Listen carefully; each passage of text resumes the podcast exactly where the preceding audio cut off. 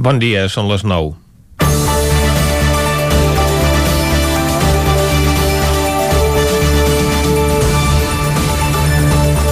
Que es parli ja del calendari de vacunació de la Covid-19 és una llum al final del túnel en el que portem ja 8 mesos immersos. Al final haurà estat com un part, perquè algunes d'elles en aquests moments, dues i segurament tres, estan ja en la recta final de les fases de proves amb una eficàcia d'immunitat superior al 90% i les autoritats mèdiques els podrien donar l'autorització en les properes setmanes. Un bri d'esperança s'obre amb l'anunci d'un calendari de vacunació i alguns detalls sobre aquest procés que s'iniciarà a principis de l'any vinent. Segons va avançar ahir el Departament de Salut, es preveu que el mes de gener arribin a Catalunya les primeres 350.000 dosis de la vacuna de les que la Unió Europea ha adquirit per repartir entre els diversos estats membres.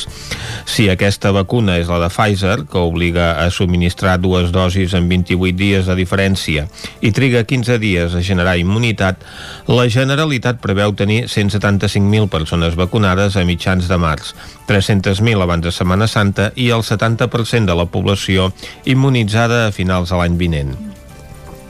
Com avançava aquest dilluns el ministre de Sanitat, Salvador Illa, en una entrevista al 9-9, avui s'han de conèixer més dades sobre el calendari de vacunació i quins col·lectius seran els primers a rebre-la. Semblaria lògic als que estan en primera línia de foc, com els sanitaris, però això sembla que no serà exactament així. Un comitè de coordinació entre les comunitats autònomes i el Ministeri n'establirà els criteris i sembla que aquests aniran pel camí de vacunar en primer lloc el col·lectiu de més risc, com són les persones grans i els seus cuidadors. Una mesura que compensaria la desatenció que van patir en la primera onada de la pandèmia i que alhora desmuntaria les tesis conspiranoiques que defensaven que aquest virus va ser creat artificialment per incidir en aquells perfils de ciutadans que són més costosos per les arques públiques. Ara, aquest període de vacunació, si es vol que sigui ràpid i efectiu, tornarà a posar en tensió el sistema sanitari. No tan evidentment com si la gent emmalalteix, però flueix el debat de si la vacuna ha de ser obligatòria o no. El president del País Valencià, Ximo Puig, ahir es pronunciava en el sentit de que no ho ha de ser i per tant pot continuar-hi havent gent que emmalalteixi de Covid, en aquest cas per voluntat pròpia. De tota manera, si aquesta vacunació ha de ser universal i recurrent, el sistema de salut pública requerirà d'uns recursos econòmics i humans que si bé no s'han pogut preveure quan ens ha enganxat el toro per davant, caldrà tenir en consideració per als propers pressupostos. Comencem Territori 17, a la sintonia del 9 FM, Ona Codinenca, Ràdio Cardedeu, La Veu de Sant Joan i el 9 TV. Territori 17, amb Vicenç Vigues i Jordi Sunyer.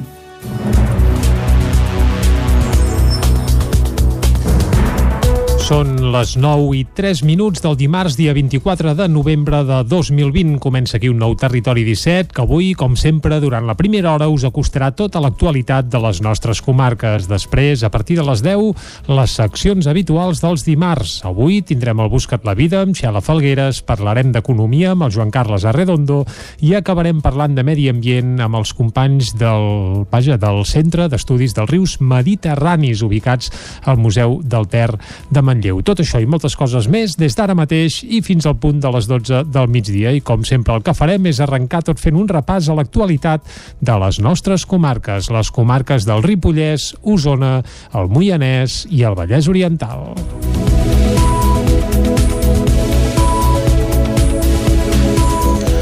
El secretari de Salut Pública, Josep Maria Argimon, ha afirmat que a finals de gener es podria començar a vacunar contra la Covid-19 i arribar a un 70% de la població durant el 2021. En una entrevista a aquest dilluns, Josep Maria Argimon va dir que aquesta previsió es basa en la informació que el remet al Ministeri de Sanitat i sempre en condicional segons avancin els assajos.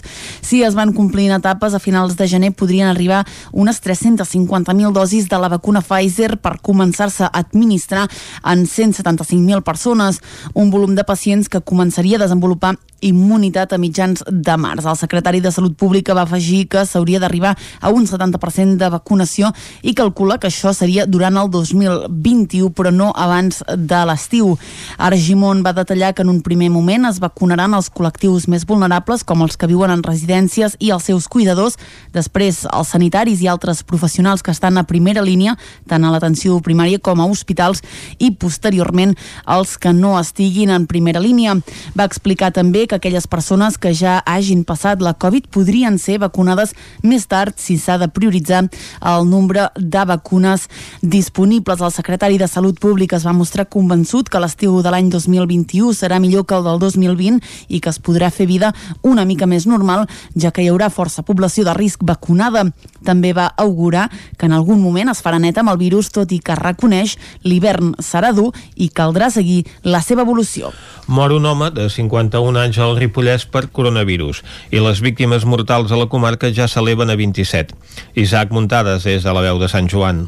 Aquest diumenge es va comptabilitzar la 27a víctima mortal al Ripollès arran de la Covid-19. Es tracta de Josep Serrador, un home de Can de Bànol de 51 anys, la persona més jove que s'ha emportat la pandèmia a la comarca. Serrador era una persona molt estimada i coneguda al poble, ja que estava vinculat amb la Unió Esportiva Camp de Bànol de futbol o amb la colla gegantera i els grellers de la població. El difunt va morir a l'UCI de l'Hospital Doctor Trueta de Girona després de més d'un mes a l'hospital. D'aquests 27 morts comptabilitzats pel Departament de Salut, 14 han mort a l'Hospital Comarcal del Ripollès i la resta en centres hospitalaris de fora de la comarca comarca, a casa o a la residència de Ribes. La situació hospitalària a la comarca ha millorat respecte a fa una setmana, ja que s'ha passat de 12 pacients ingressats per coronavirus a 8. Això sí, continuen havent 17 professionals sanitaris positius i un d'aïllat. D'altra banda, des de l'inici de la crisi sanitària, s'han diagnosticat 353 anàlisis positives i s'han donat d'alta a 112 pacients. Per altra part, segons el Departament de Salut de la Generalitat de Catalunya, l'índex de risc de rebrot ha baixat dràsticament en més de 200 punts i ara se situa en 295, una xifra que encara és alta i que manté pintat en vermell al Ripollès, però que és força més esperançadora. La RT a velocitat de propagació del virus també ha caigut en picat, passant d'1,1 a 0,72. En la darrera setmana també s'han detectat 54 positius, mentre que la taxa de casos confirmats per proves PCR i test d'antígens també baixa i ja és de 224. Pel que fa a l'índex de risc de rebrot per municipis, els tres pobles grans més afectats són Camprodon, Ribes de Freser i Sant Joan de les Abadeses. El municipi Camprodoní, arran del brot a la residència geriàtrica, ha vist disparat l'índex fins als 1.870 punts amb 28 positius els últims 14 dies i 21 la darrera setmana. A més, la RT està per sobre de l'1,5. En canvi, a Ribes l'epidèmia ja no creix, tot i que l'índex de risc de rebrot és de 570 punts amb 5 positius els darrers 7 dies. Sí que creix a Sant Joan de les Abadeses, que frega l'1,30 d'RT amb un risc de rebrot de 278 punts i 6 positius en l'última setmana. Poblacions com Llanàs o Vilallonga de Ter també tenen un risc de rebrot molt alt, però en molt pocs casos, mentre que Ripoll se n'han diagnosticat 14 en la darrera setmana. Pel que fa a les noves mesures de desescalada que van entrar en vigor aquest dilluns, el president del Consell Comarcal del Ripollès, Joaquim Colomer, va demanar en la mateixa línia que havien manifestat altres presidents i alcaldes de comarques de muntanya que el confinament perimetral dels caps de setmana revisi i passi a ser comarcal ja, en lloc de municipal, perquè no considera normal que una persona d'un poble petit no pugui anar a un de més gran per utilitzar serveis del dia a dia que són bàsics, com una persona que es pugui quedar sense gas botar o fusta per l'estufa o la llar de foc, o que no tingui botigues al seu municipi. Aquest dilluns ja es va posar en marxa el pla de desescalada a Catalunya. En aquesta primera fase hi destaca la reobertura de bars i restaurants des de les 6 del matí a dos quarts de 10 del vespre. L'aforament permès a l'interior dels establiments és del 30%, mentre que a l'exterior és del 100%. També cal garantir la distància de 2 metres entre taules amb un màxim de 4 persones per taula, excepte si són d'un mateix grup de convivència. Els bars i restaurants d'Osona han tornat a reobrir els seus establiments i a desplegar les terrasses. Aquest dilluns, en les primeres hores de la reobertura, Ferran Roura, de la cafeteria Ausa de Vic, explicava que havien anat completant l'aforament exterior. De moment el dia ens ha acompanyat, també fa, fa bon temps, i jo crec que la gent tenia ganes de, bueno, tenim ganes de sortir, socialitzar-nos una mica. Nosaltres a dintre encara no hem obert perquè és un local molt petit interiorment i el 30% no ens, no ens resulta. D'altra banda, hi havia qui els va resultar més obrir només l'establiment a l'interior, ja que no creuen que puguin treure molt rendiment a la terrassa. És el cas de Ramon Verdaguer, de la Rambla 35. El que no ens deixen tancar les terrasses, encara que siguin a tres laterals, posar estufes a fora no servirà de gaire. I més amb el fred que fa aquesta comarca, els propietaris de restaurants consideren que l'horari d'obertura permès no els ajuda, sobretot els que depenen de fer sopars. També reclamen més i millors ajudes. Norton i Alfons Vilarrasa són respectivament els propietaris de la taverna de Norton i del Caliu. És un horari que per nosaltres saps, no, saps, no ens ajuda gaire.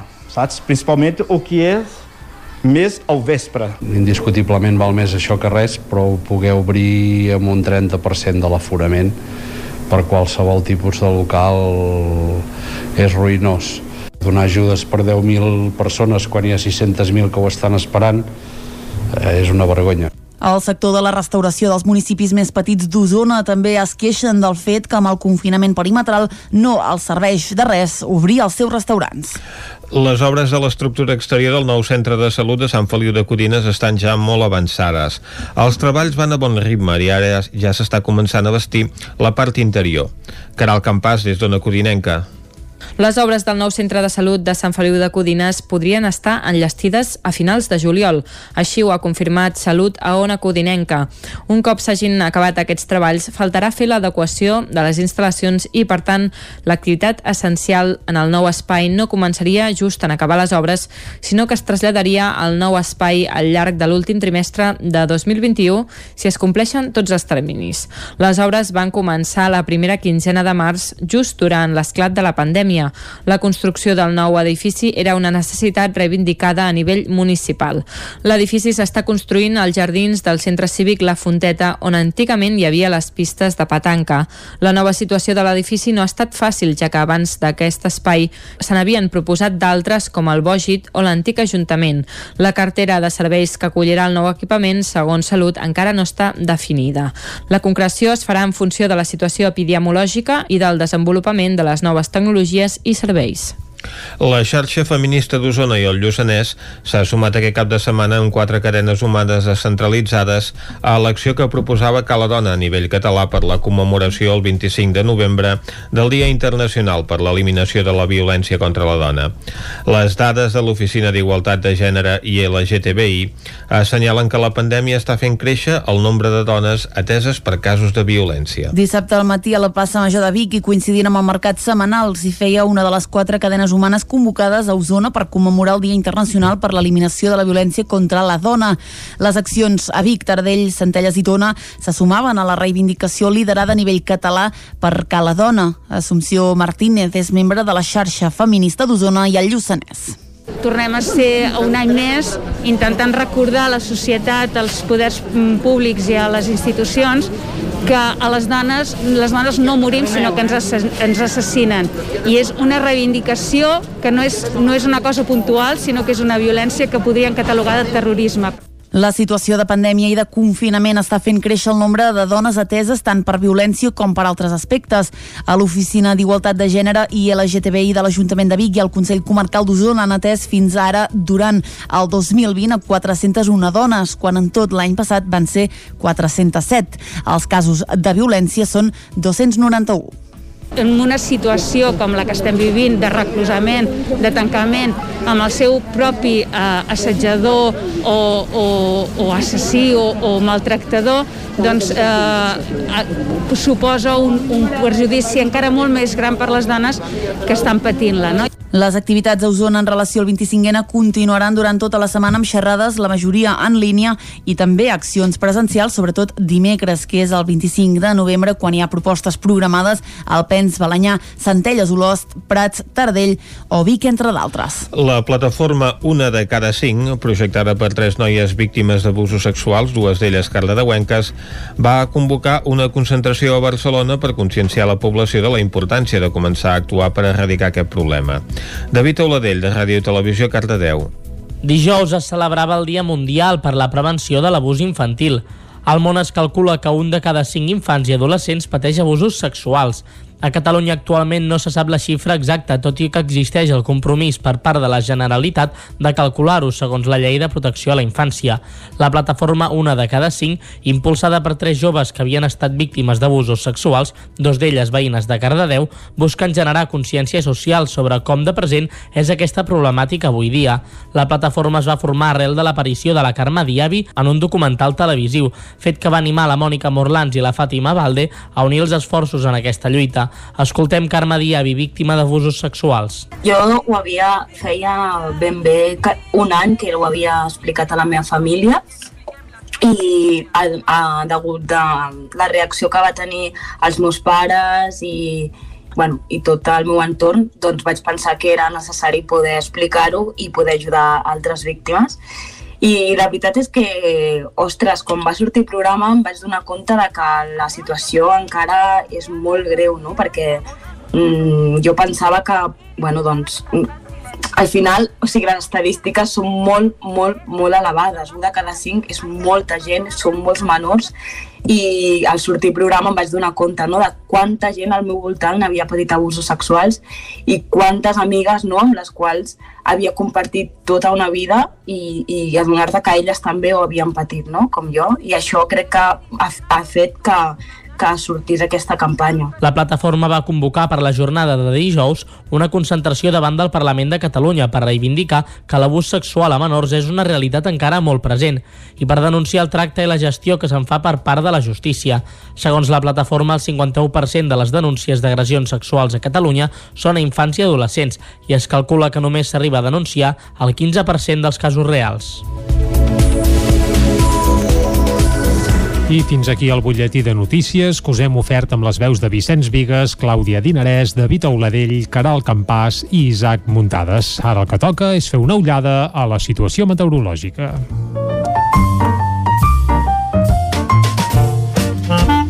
Casa Terradellos us ofereix el temps. I fer una ullada a la situació meteorològica a Territori 17 vol dir saludar el Pep Acosta. Pep, Hola, bon dia, bon, bon dia. dia. Bon dia. Per fi avui Aviam. una mica de moviment meteorològic. Ja era hora. Per fi les peces comencen a moure. Per fi més núvols, més inestabilitat i ja es comencen a veure pluges. Uh, Ja bé, per ja tant, bé. la situació comença a canviar, comença a ser interessant i més que ho serà els pròxims dies ah. Mm, encara no està clar ben bé el que acabarà passant perquè la perturbació pot variar la seva posició però mica en mica el panorama es va fent més interessant i per fi tenim un canvi de dinàmica. Fa unes tres setmanes que no plou, tres setmanes d'anticicló i ja era hora que marxés una mica. I tant. aquesta nit, eh, les temperatures mínimes potser no han baixat tant, mm, un o dos graus més altes, i les temperatures són més homogènies. No hi ha tanta inversió tèrmica, no hi ha tanta diferència entre les zones més enclotades, alta muntanya... Per exemple, les mínimes han estat de 4 graus a Molló, un sota 0 a Vic o 2 graus a Cales de Montbui. Uh, per tant, uh, això, eh, unes temperatures més homogènies, més semblants a totes les comarques. I per què? Perquè l'anticicló comença a marxar, s'acosta una pertorbació per l'oest de la península ibèrica i ja hi ha més núvols. Tenim més núvols prims, cada vegada més, i es notarà, es notarà que ja s'acosta aquest front atlàntic. De cara al migdia i de cara a la tarda, aquests núvols prims que tenim ara mateix, cada vegada més gruixuts, hi ha més núvols baixos també, més núvols mitjans, es anem incrementant la nuvolositat i les temperatures màximes molt semblants a les d'ahir. La majoria entre els 13 i els 16 graus. Farà força fresqueta. Mm, Abrigueu-vos bastant perquè avui serà un dia d'aquells amb bastanta fresca. Uh, clar, no tindrem el sol per escalfar-nos, vull dir, cada vegada el sol anirà desapareixent més, els núvols seran més importants. I també destacar els vents. Uh, portem dies, vam tenir una petita entrada d'aire fred, bueno, va ser notable al final l'entrada d'aire fred que vam tenir dijous divendres, i hem tingut uns quants dies amb els vents molt calmats. A partir d'aquesta tarda, els vents seran ja una mica més importants, sobretot a les zones de muntanya, entre els 40 i els 50 km per hora de cops màxims. Uh -huh. A la resta, a la, als pobles i ciutats, mm, vents fluixos encara, eh? entre els 10 i els 20 quilòmetres. I les boires, que encara n'hi ha alguna a aquesta hora, també aniran desapareixent. Amb l'entrada de, del vent i del front farà que les boires desapareixin. I això és tot.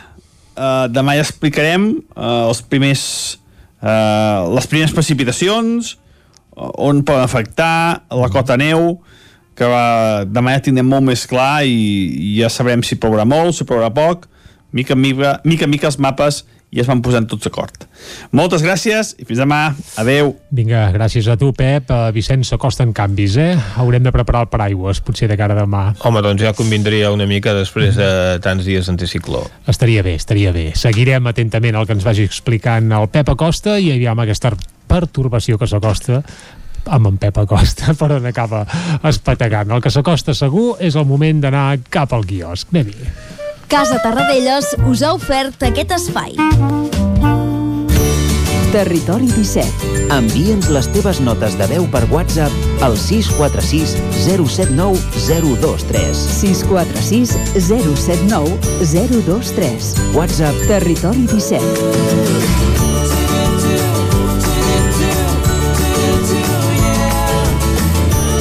Territori 17. Som a Facebook, Twitter i Instagram amb l'usuari Territori 17.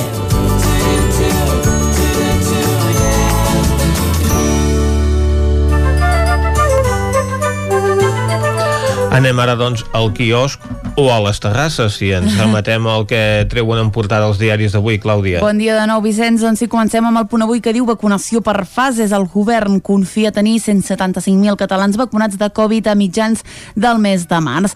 Vergés no concreta el pla, però anuncia la compra de 10 milions de xeringues i, com bé deies, a la portada hi veiem una terrassa, diu reobertura al ralentí. Restauració, esport i cultura tornen a l'activitat de manera lenta i desigual. Avui al Punt Avui entrevista a Maria Neire, ella és directora del Departament de Salut Pública i Medi Ambient de l'Organització Mundial de la Salut, que diu veiem molta llum al final del túnel, però encara hi som a dins. Anem al diari Ara, que diu 300.000 persones vacunades per Setmana Santa. El protocol no està tancat, però preveu començar a les residències i continuar amb sanitaris i gent gran. A la imatge hi tornem a veure la restauració que torna a mig cas i la cultura també reobre. Diuen és com si ens haguéssim aixecat d'un càstig. En política, Ciutadans s'allunya del Partit Socialista en els pressupostos. Anem directes al periòdico que diu el Banc Central Europeu es planteja que la banca reparteixi dividends. Estudia aixecar la prohibició en plena crisi si la caiguda econòmica no s'agreuja més del previst. A la imatge, com a totes les portades, hi veiem terrasses, diu a mig gas, la restauració, com en aquest bar de Gràcia, va reobrir ahir amb esperança i afluència moderada. Pel que fa a la vacuna d'Oxford, diu barat, estable i eficaç fins a un 90%. I pel que fa a, a, a Barcelona, podríem dir-ho així, vuit testimonis no van veure que el tirotejat per la urbana portés navalla. És un cas que ahir ja comentàvem a les portades, que va succeir el cap de setmana i que segurament doncs, anirem seguint al llarg d'aquesta setmana. Portarà cua, efectivament. Exacte, sí, sí. Anem a l'avantguàrdia que diu les vacunes arribaran al febrer a les residències i a la primera línia sanitària. Salut calcula que si tot va bé, al març 300.000 persones estaran vacunades a Catalunya i que a finals d'estiu estarà un 70% de la població. Aquí tornem a veure terrasses, diu reobertura cautelosa de la restauració. Als Estats Units, Trump cedeix i autoritza la transició cap a l'era Biden i alerta perquè en esports Marc Gasol fitxa pels Lakers. Anem a veure què treuen en portada els diaris de Madrid. Comencem. Més preocupats de l'actualitat política que sanitària. No? Exacte, sí, sí, uh, claríssimament. Comencem amb el país que diu les mesures dures frenen la segona onada de contagis. El toc de queda i els tancaments baixen la incidència mentre el govern ultima el seu plan de vacunació. Tornem a parlar d'Oxford, que diu troba la tercera vacuna eficaç contra la Covid. El rei alerta en quarantena després d'estar en contacte amb una persona positiva. A la Es imatge... trobarà a faltar.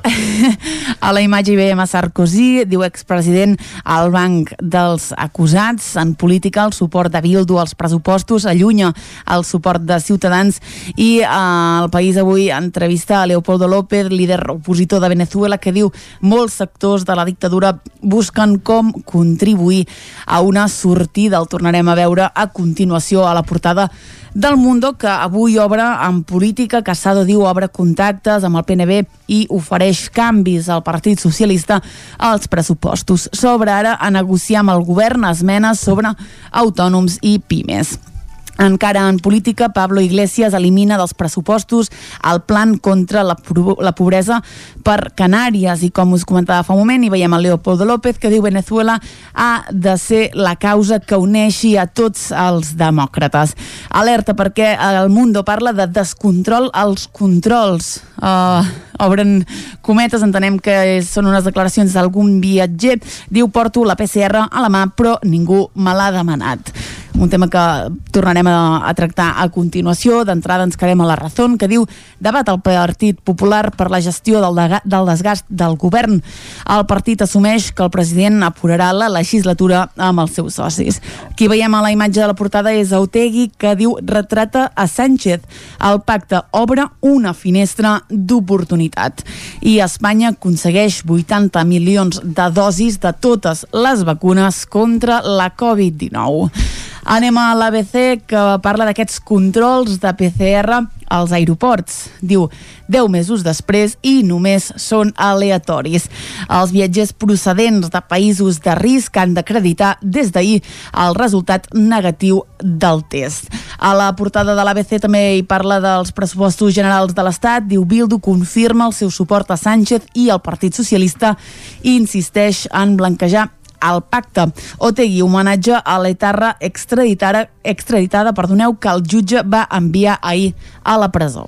L'ABC, l'únic diari madrileny que dedica la part central de la seva portada a la situació sanitària, però amb una derivada política sobre aquesta mesura de control als aeroports als viatgers que hi arriben amb un PCR que ha de resultar negatiu de les últimes hores. Una notícia doncs, en la que destaca que aquests controls no s'han aplicat fins al cap de 10 mesos de l'inici de la pandèmia, si bé 10 mesos enrere la possibilitat de fer-se una prova PCR pel conjunt de la població era molt remota. Els diaris catalans, doncs, més enfocats en aquesta nova fase de represa, de desescalada i la reobertura de bars i restaurants, així com del sector cultural, i el líder opositor a Venezuela, Leopoldo López, ha entrevistat avui al País i al Mundo, que hi dedica la seva foto de portada, però en blanc i negre, una de les curiositats que apareixen a la premsa d'avui que acabem de repassar ara mateix amb aquesta visita al quiosc. I ara el que toca és fer una pausa. Tornem de seguida amb més actualitat a dos quarts en punt. Fins ara. El nou FM, la ràdio de casa, al 92.8. Les bones decisions tenen premi. I és que si té una caldera Vaillant, està d'enhorabona. Vaillant li ofereix fins a 15 anys de cobertura total, amb la revisió obligatòria inclosa. Informis a Oficiat Nord trucant al 93 886 0040. Amb el servei tècnic oficial de Vaillant, la seva caldera estarà en les millors mans. Cocodril Club. Si t'agrada la bona música dels anys 60, 70 i 80, escolta el 9 FM als matins de dissabtes i diumenges d'11 a 1. És el temps del Cocodril Club, tot un clàssic de la ràdio, amb les bases del pop-rock, les llegendes, les cançons que s'han convertit en autèntics himnes. Recorda, dissabtes i diumenges al matí, d'11 a 1, al 9 FM 92.8. Cocodril Club, el programa revival de l'Albert Malla. Hasta luego, cocodrilo. Cobertes serveis funeraris.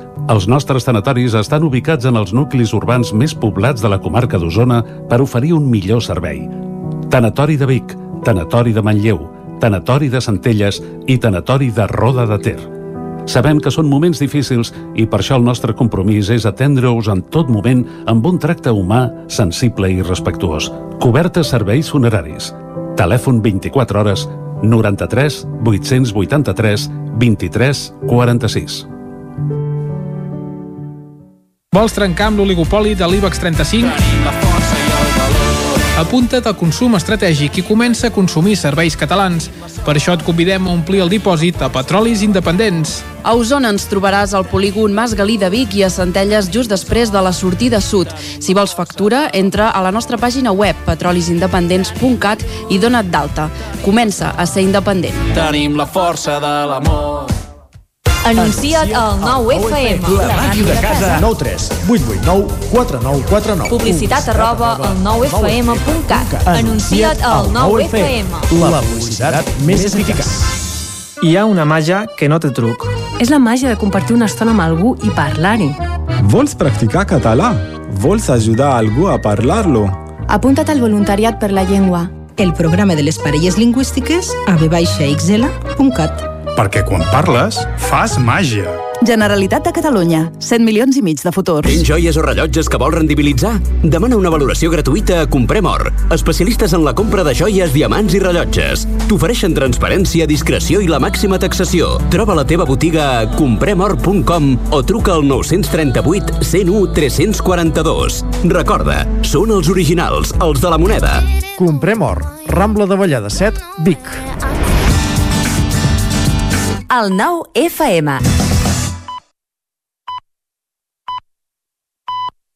Territori 17, amb Vicenç Vigues i Jordi Sunyer.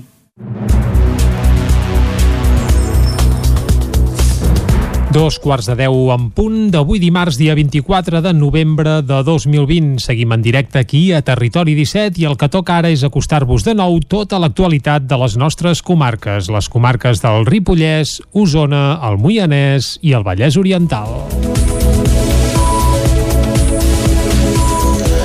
El secretari de Salut Pública, Josep Maria Argimon, ha afirmat que a finals de gener es podria començar a vacunar contra la Covid-19 i arribar a un 70% de la població durant el 2021. En una entrevista a RAC1 aquest dilluns, Josep Maria Argimon va dir que aquesta previsió es basa en la informació que el remet al Ministeri de Sanitat i sempre en condicional segons avancin els assajos. Si es van complint etapes, a finals de gener podrien arribar unes 350.000 dosis de la vacuna Pfizer per començar-se a administrar en 175.000 persones, un volum de pacients que començaria a desenvolupar immunitat a mitjans de març. El secretari de Salut Pública va afegir que s'hauria d'arribar a un 70% de vacunació i calcula que això seria durant el 2021, però no abans de l'estiu. Argimon va detallar que en un primer moment es vacunaran els col·lectius més vulnerables, com els que viuen en residències i els seus cuidadors, després els sanitaris i altres professionals que estan a primera línia, tant a l'atenció primària com a hospitals, i posteriorment els que no estiguin en primera línia. Va explicar també que aquelles persones que ja hagin passat la Covid podrien ser vacunades més tard si s'ha de prioritzar el nombre de vacunes disponibles. El secretari de Salut Pública es va mostrar convençut que l'estiu de l'any 2021 serà millor que el del 2020 i que es podrà fer vida una mica més normal, ja que hi haurà força població de risc vacunada. També va augurar que en algun moment es farà net amb el virus, tot i que reconeix l'hivern serà dur i caldrà seguir la seva evolució. Mor un home de 51 anys al Ripollès per coronavirus i les víctimes mortals a la comarca ja s'eleven a 27. Isaac Muntades és de la veu de Sant Joan. Aquest diumenge es va comptabilitzar la 27a víctima mortal al Ripollès arran de la Covid-19. Es tracta de Josep Serrador, un home de Can de Bànol de 51 anys, la persona més jove que s'ha emportat la pandèmia a la comarca. Serrador era una persona molt estimada i coneguda al poble, ja que estava vinculat amb la Unió Esportiva Camp de Bànol de futbol o amb la colla gegantera i els grellers de la població. El difunt va morir a l'UCI de l'Hospital Doctor Trueta de Girona després de més d'un mes a l'hospital. D'aquests 27 morts comptabilitzats pel Departament de Salut, 14 han mort a l'Hospital Comarcal del Ripollès i la resta en centres hospitalaris de fora de la comarca comarca, a casa o a la residència de Ribes. La situació hospitalària a la comarca ha millorat respecte a fa una setmana, ja que s'ha passat de 12 pacients ingressats per coronavirus a 8. Això sí, continuen havent 17 professionals sanitaris positius i un d'aïllat. D'altra banda, des de l'inici de la crisi sanitària, s'han diagnosticat 353 anàlisis positives i s'han donat d'alta a 112 pacients. Per altra part, segons el Departament de Salut de la Generalitat de Catalunya, l'índex de risc de rebrot ha baixat dràsticament en més de 200 punts i ara se situa en 295, una xifra que encara és alta i que manté pintat en vermell al Ripollès, però que és força més esperançadora. La RT a velocitat de propagació del virus també ha caigut en picat, passant d'1,1 a 0,72. En la darrera setmana també s'han detectat 54 positius, mentre que la taxa de casos confirmats per proves PCR i test d'antígens també baixa i ja és de 224. Pel que fa a l'índex de risc de rebrot per municipis, els tres pobles grans més afectats són Camprodon, Ribes de Freser i Sant Joan de les Abadeses. El municipi Camprodoní, arran del brot a la residència geriàtrica, ha vist disparat l'índex fins als 1.870 punts amb 28 positius els últims 14 dies i 21 la darrera setmana. A més, la RT està per sobre de l'1,5. En canvi, a Ribes l'epidèmia ja no creix, tot i que l'índex de risc de rebrot és de 570 punts amb 5 positius els darrers 7 dies. Sí que creix a Sant Joan de les Abadeses, que frega l'1,30 d'RT amb un risc de rebrot de 278 punts i 6 positius en l'última setmana. Poblacions com Llanàs o Vilallonga de Ter també tenen un risc de rebrot molt alt, però en molt pocs casos, mentre que Ripoll se n'han diagnosticat 14 en la darrera setmana. Pel que fa a les noves mesures de desescalada que van entrar en vigor aquest dilluns, el president del Consell Comarcal del Ripollès, Joaquim Colomer, va demanar en la mateixa línia que havien manifestat altres presidents i alcaldes de comarques de muntanya que el confinament perimetral dels caps de setmana revisi i passi a ser comarcal ja, en lloc de municipal, perquè no considera normal que una persona d'un poble petit no pugui anar a un de més gran per utilitzar serveis del dia a dia que són bàsics, com una persona que es pugui quedar sense gas botar o fusta per l'estufa o la llar de foc, o que no tingui botigues al seu municipi. Aquest dilluns ja es va posar en marxa el pla de desescalada a Catalunya. En aquesta primera fase hi destaca la reobertura de bars i restaurants des de les 6 del matí a dos quarts de 10 del vespre. L'aforament permès a l'interior dels establiments és del 30%, mentre que a l'exterior és del 100%. També cal garantir la distància de dos metres entre taules amb un màxim de 4 persones per taula, excepte si són d'un mateix grup de convivència. Els bars i restaurants d'Osona han tornat a reobrir els seus establiments i a desplegar les terrasses. Aquest dilluns, en les primeres hores de la reobertura, Ferran Roura, de la cafeteria Ausa de Vic, explicava que havien anat completant l'aforament exterior. De moment el dia ens ha acompanyat, també fa, fa bon temps, i jo crec que la gent tenia ganes de, bueno, tenim ganes de sortir, socialitzar-nos una mica. Nosaltres a dintre encara no hem obert perquè és un local molt petit interiorment i el 30% no ens, no ens resulta. D'altra banda, hi havia qui els va resultar més obrir només l'establiment a l'interior, ja que no creuen que puguin treure molt rendiment a la terrassa. És el cas de Ramon Verdaguer, de la Rambla 35. El que no ens deixen tancar les terrasses, encara que siguin a tres laterals, posar estufes a fora no servirà de gaire. I més amb el fred que fa aquesta comarca, Els propietaris de restaurants consideren que l'horari d'obertura permès no els ajuda, sobretot els que depenen de fer sopars. També reclamen més i millors ajudes. Norton i Alfons Vilarrasa són respectivament els propietaris de la taverna de Norton i del Caliu. És un horari que per nosaltres saps, no, saps, no ens ajuda gaire. Saps? Principalment el que és més al vespre. indiscutiblement val més això que res, però poder obrir amb un 30% de l'aforament per qualsevol tipus de local és ruïnós. Donar ajudes per 10.000 persones quan hi ha 600.000 que ho estan esperant eh, és una vergonya. El sector de la restauració dels municipis més petits d'Osona també es queixen del fet que amb el confinament perimetral no els serveix de res obrir els seus restaurants. Les obres de l'estructura exterior del nou centre de salut de Sant Feliu de Codines estan ja molt avançades. Els treballs van a bon ritme i ara ja s'està començant a vestir la part interior. Caral Campàs, des d'Ona Codinenca. Les obres del nou centre de salut de Sant Feliu de Codines podrien estar enllestides a finals de juliol. Així ho ha confirmat Salut a Ona Codinenca. Un cop s'hagin acabat aquests treballs, faltarà fer l'adequació de les instal·lacions i, per tant, l'activitat essencial en el nou espai no començaria just en acabar les obres, sinó que es traslladaria al nou espai al llarg de l'últim trimestre de 2021 si es compleixen tots els terminis. Les obres van començar la primera quinzena de març, just durant l'esclat de la pandèmia pandèmia. La construcció del nou edifici era una necessitat reivindicada a nivell municipal. L'edifici s'està construint als jardins del centre cívic La Fonteta, on antigament hi havia les pistes de petanca. La nova situació de l'edifici no ha estat fàcil, ja que abans d'aquest espai se n'havien proposat d'altres com el Bògit o l'antic Ajuntament. La cartera de serveis que acollirà el nou equipament, segons Salut, encara no està definida. La concreció es farà en funció de la situació epidemiològica i del desenvolupament de les noves tecnologies i serveis.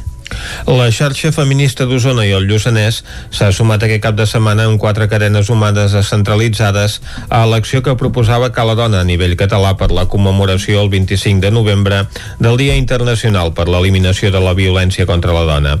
Les dades de l'Oficina d'Igualtat de Gènere i LGTBI assenyalen que la pandèmia està fent créixer el nombre de dones ateses per casos de violència. Dissabte al matí a la plaça Major de Vic i coincidint amb el mercat setmanal s'hi feia una de les quatre cadenes humanes convocades a Osona per commemorar el Dia Internacional per l'Eliminació de la Violència contra la Dona. Les accions a Vic, Tardell, Centelles i Tona se sumaven a la reivindicació liderada a nivell català per Cala Dona. Assumpció Martínez és membre de la xarxa feminista d'Osona i el Lluçanès. Tornem a ser un any més intentant recordar a la societat, als poders mm, públics i a les institucions que a les dones, les dones no morim sinó que ens, ens assassinen i és una reivindicació que no és, no és una cosa puntual sinó que és una violència que podrien catalogar de terrorisme. La situació de pandèmia i de confinament està fent créixer el nombre de dones ateses tant per violència com per altres aspectes.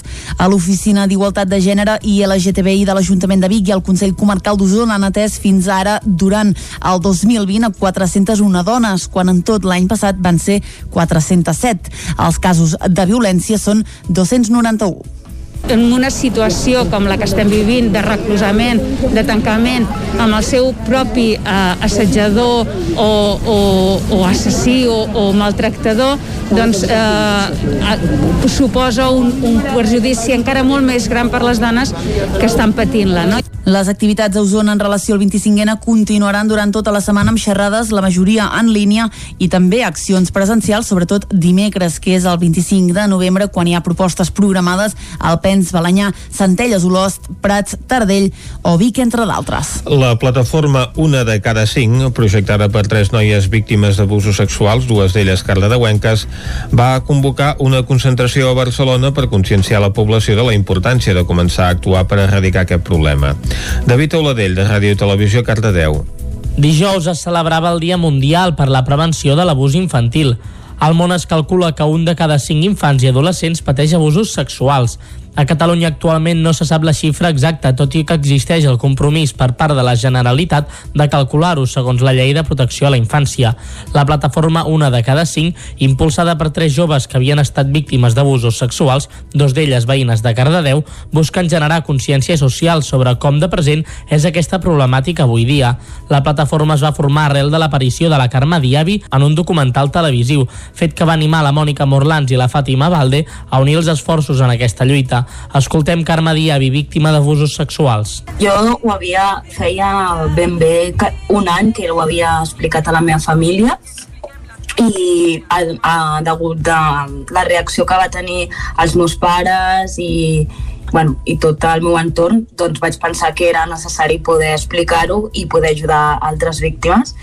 I la veritat és que, ostres, quan va sortir el programa em vaig donar compte de que la situació encara és molt greu, no? Perquè mm, jo pensava que, bueno, doncs, al final, o sigui, les estadístiques són molt, molt, molt elevades. Un de cada cinc és molta gent, són molts menors i al sortir programa em vaig donar compte no, de quanta gent al meu voltant havia patit abusos sexuals i quantes amigues no, amb les quals havia compartit tota una vida i, i adonar-te que elles també ho havien patit, no? com jo, i això crec que ha, ha fet que, que sortís aquesta campanya. La plataforma va convocar per la jornada de dijous una concentració davant del Parlament de Catalunya per reivindicar que l'abús sexual a menors és una realitat encara molt present i per denunciar el tracte i la gestió que se'n fa per part de la justícia.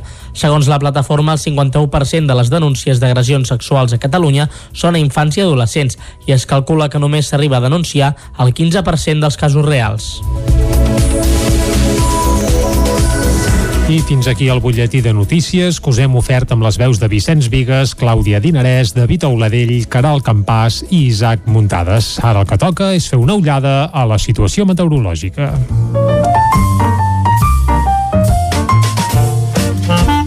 Casa Terradellos us ofereix el temps. I fer una ullada a la situació meteorològica a Territori 17 vol dir saludar el Pep Acosta. Pep, Hola, bon dia, bon, bon dia. dia. Bon dia. Per fi avui Aviam. una mica de moviment meteorològic. Ja era hora. Per fi les peces mm -hmm. comencen a moure. Mm -hmm. Per fi més núvols, més inestabilitat i ja es comencen a veure pluges. Uh, ja va bé, per ja va tant, bé. la situació comença a canviar, comença a ser interessant i més que ho serà els pròxims dies ah. mm, encara no està clar ben bé el que acabarà passant perquè la perturbació pot variar la seva posició però mica en mica el panorama es va fent més interessant i per fi tenim un canvi de dinàmica fa unes tres setmanes que no plou, tres setmanes d'anticicló i ja era hora que marxés una mica I tant.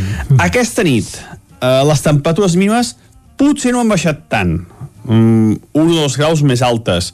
I les temperatures són més homogènies. No hi ha tanta inversió tèrmica no hi ha tanta diferència entre les zones més enclotades alta muntanya. Per exemple les mínimes han estat de 4 graus a Molló un sota 0 a Vic o 2 graus a Cales de Montbui. Uh, per tant, uh, això, eh, unes temperatures més homogènies, més semblants a totes les comarques. I per què? Perquè l'anticicló comença a marxar, s'acosta una pertorbació per l'oest de la península ibèrica i ja hi ha més núvols. Tenim més núvols prims, cada vegada més, i es notarà, es notarà que ja s'acosta aquest front atlàntic. De cara al migdia i de cara a la tarda, aquests núvols prims que tenim ara mateix, uh -huh. cada vegada més gruixuts, hi ha més núvols braixos també, més núvols mitjans, es anem incrementant la nuvolositat i les temperatures màximes molt semblants a les d'ahir. La majoria entre els 13 i els 16 graus. Farà força fresqueta. Mm, Abrigueu-vos bastant, perquè avui serà un dia d'aquells amb bastanta fresca. Uh, clar, no tindrem el sol per escalfar-nos, vull dir, cada vegada el sol anirà desapareixent més, els núvols seran més importants. I també destacar els vents. Uh, portem dies, vam tenir una petita entrada d'aire fred, bueno, va ser notable al final l'entrada d'aire fred que vam tenir dijous i divendres, i hem tingut uns quants dies amb els vents molt calmats. A partir d'aquesta tarda, els vents seran ja una mica més importants, sobretot a les zones de muntanya, entre els 40 i els 50 km per hora de cops màxims. Uh -huh. A la resta, a la, als pobles i ciutats, vents fluixos encara, eh? entre els 10 i els 20 quilòmetres. I les boires, que encara n'hi ha alguna a aquesta hora, també aniran desapareixent, amb l'entrada de, del vent i del front, farà que les boires mm. desapareixin. I això és tot. Uh, demà ja explicarem uh, els primers, uh, les primeres precipitacions, uh, on poden afectar la cota neu, que va, demà ja tindrem molt més clar i, i ja sabrem si plourà molt, si plourà poc, mica en mica, mica, mica els mapes i es van posant tots d'acord. Moltes gràcies i fins demà. Adeu. Vinga, gràcies a tu, Pep. Uh, Vicenç, s'acosten canvis, eh? Haurem de preparar el paraigües, potser de cara a demà. Home, doncs ja convindria una mica després de tants dies d'anticicló. Estaria bé, estaria bé. Seguirem atentament el que ens vagi explicant el Pep Acosta i aviam aquesta pertorbació que s'acosta amb en Pep Acosta, per on acaba espatagant. El que s'acosta segur és el moment d'anar cap al quiosc. Anem-hi. Casa Tarradellas us ha ofert aquest espai. Territori 17. Envia'ns les teves notes de veu per WhatsApp al 646 079 023. 646 079 023. WhatsApp Territori 17.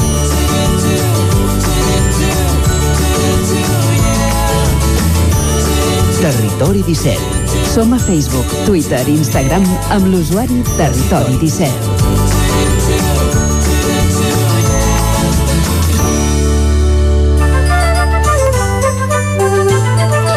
Anem ara, doncs, al quiosc o a les terrasses, si ens remetem al que treuen en portada els diaris d'avui, Clàudia. Bon dia de nou, Vicenç. Doncs si comencem amb el punt avui que diu vacunació per fases. El govern confia tenir 175.000 catalans vacunats de Covid a mitjans del mes de març.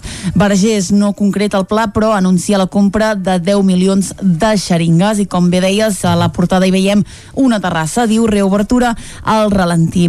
Restauració, esport i cultura tornen a l'activitat de manera lenta i desigual. Avui al Punt Avui entrevista a Maria Neire, ella és directora del Departament de Salut Pública i Medi Ambient de l'Organització Mundial de la Salut, que diu veiem molta llum al final del túnel, però encara hi som a temps.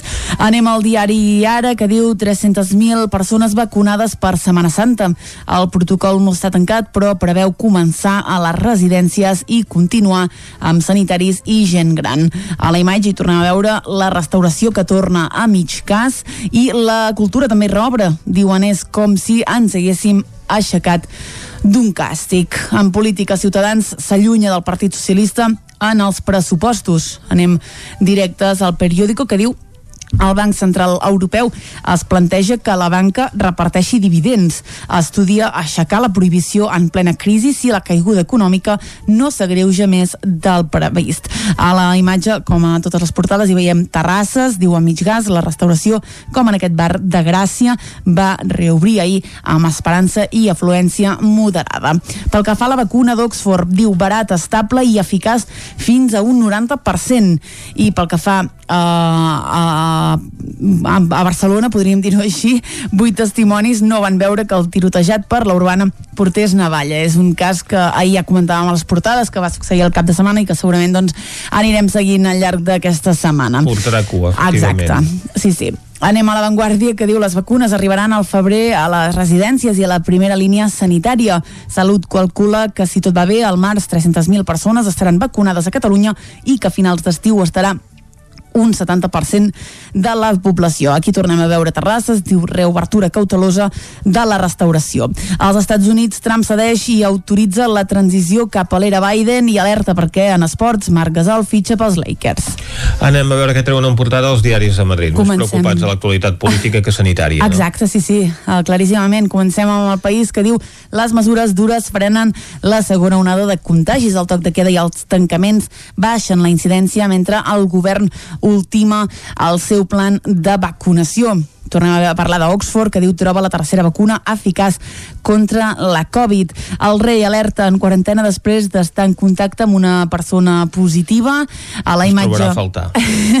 A la imatge hi veiem a Sarkozy, diu expresident al banc dels acusats. En política, el suport de Bildu als pressupostos allunya el suport de Ciutadans i eh, el País avui entrevista a Leopoldo López, líder opositor de Venezuela, que diu molts sectors de la dictadura busquen com contribuir a una sortida. El tornarem a veure a continuació a la portada del Mundo, que avui obre en política. Casado diu obre contactes amb el PNB i ofereix canvis al Partit Socialista als pressupostos. S'obre ara a negociar amb el govern esmenes sobre autònoms i pimes. Encara en política, Pablo Iglesias elimina dels pressupostos el plan contra la, la pobresa per Canàries i com us comentava fa un moment, hi veiem el Leopoldo López que diu Venezuela ha de ser la causa que uneixi a tots els demòcrates. Alerta perquè el Mundo parla de descontrol als controls. Uh, obren cometes, entenem que són unes declaracions d'algun viatger. Diu, porto la PCR a la mà, però ningú me l'ha demanat un tema que tornarem a, a tractar a continuació. D'entrada ens quedem a la raó que diu debat al Partit Popular per la gestió del, del desgast del govern. El partit assumeix que el president apurarà la legislatura amb els seus socis. Qui veiem a la imatge de la portada és Autegui, que diu retrata a Sánchez. El pacte obre una finestra d'oportunitat. I Espanya aconsegueix 80 milions de dosis de totes les vacunes contra la Covid-19. Anem a l'ABC, que parla d'aquests controls de PCR als aeroports. Diu, 10 mesos després i només són aleatoris. Els viatgers procedents de països de risc han d'acreditar des d'ahir el resultat negatiu del test. A la portada de l'ABC també hi parla dels pressupostos generals de l'Estat. Diu, Bildu confirma el seu suport a Sánchez i el Partit Socialista i insisteix en blanquejar al pacte. Otegui homenatge a l'etarra extraditada, extraditada perdoneu, que el jutge va enviar ahir a la presó. L'ABC, l'únic diari madrileny que dedica la part central de la seva portada a la situació sanitària, però amb una derivada política sobre aquesta mesura de control als aeroports.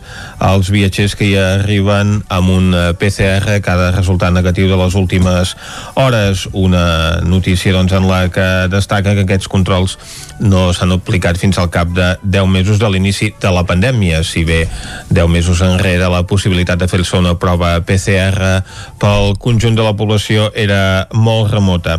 Els diaris catalans doncs, més enfocats en aquesta nova fase de represa, de desescalada i la reobertura de bars i restaurants, així com del sector cultural i el líder opositor a Venezuela, Leopoldo López, ha entrevistat avui al País i al Mundo, que hi dedica la seva foto de portada, però en blanc i negre, una de les curiositats que apareixen a la premsa d'avui que acabem de repassar ara mateix amb aquesta visita al quiosc. Doncs vinga, un cop feta la visita al quiosc, anem a la visita a la A la discoteca, discoteca. correcte, i sempre fins al punt de les 10 us acostem a alguna història, algun tema musical. Avui en tenim un parell del segle passat i hem volgut Mhm. escollir un parell de cançons en homenatge al Toni Coromina que i malauradament ahir vam haver d'informar de, de la seva mort, es va produir diumenge al vespre, el Toni Coromina era periodista, humorista, però resulta que també era músic i una de les coses que va fer a part de amic de tocar músics. molt amic de músics, però també músic, eh? I sí, molt amic de músics. Ell, per exemple, va ajudar a l'últim la fila a fer les seves primeres passes, fins i tot a algun disc seu, a la fotografia de portada és del Toni Coromina, sense anar gaire més lluny. La biografia oficial de l'últim també la va escriure el Toni Coromina, però avui volem parlar del Ja t'ho diré.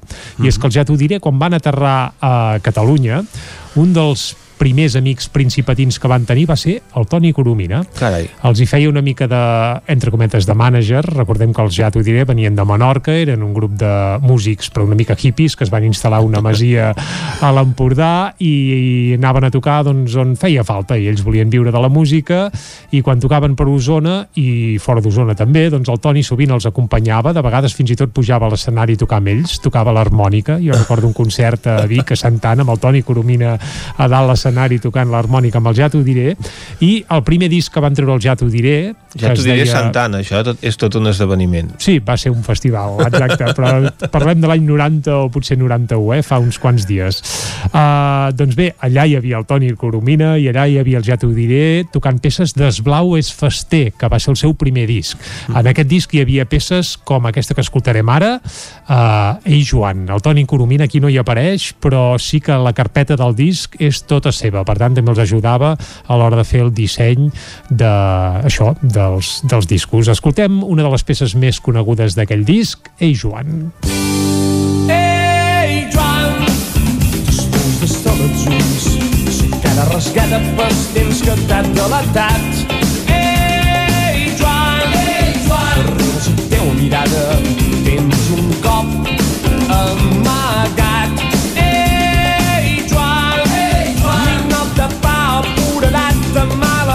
Flors mosqueïda a un jardí de cards.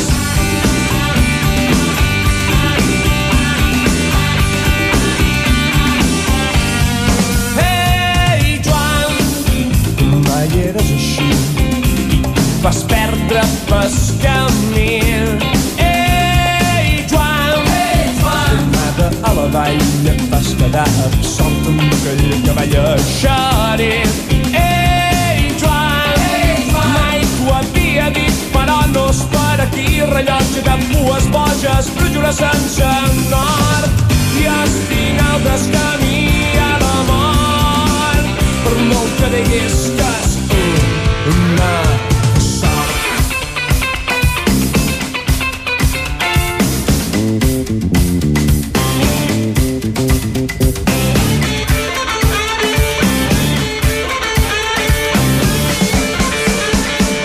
Doncs així sonava Ei Joan, una de les peces més cèlebres del Ja t'ho diré. I tant. I cal... Bé, jo ara recordo que a l'àlbum, aquest Esblau es fester, abans, com que aquests discos s'editaven bé en CD, però bàsicament també en vinil, hi havia, no sé si el havia, havia passat per les mans, Vicenç, aquest disc, però hi havia una pàgina sencera d'un format gran d'anuncis classificats, que era un far de riure, i eren tots fets pel Toni Coromina, Ah. que aquella, en aquells moments ja s'encarregava de, bé, de treballar al Burladero, una secció humorística que sortia a La Vanguardia, malauradament desapareguda, i... També bé, va fer humor al 9-9, a les pàgines també, del 9-9. correcte, exacte, exacte.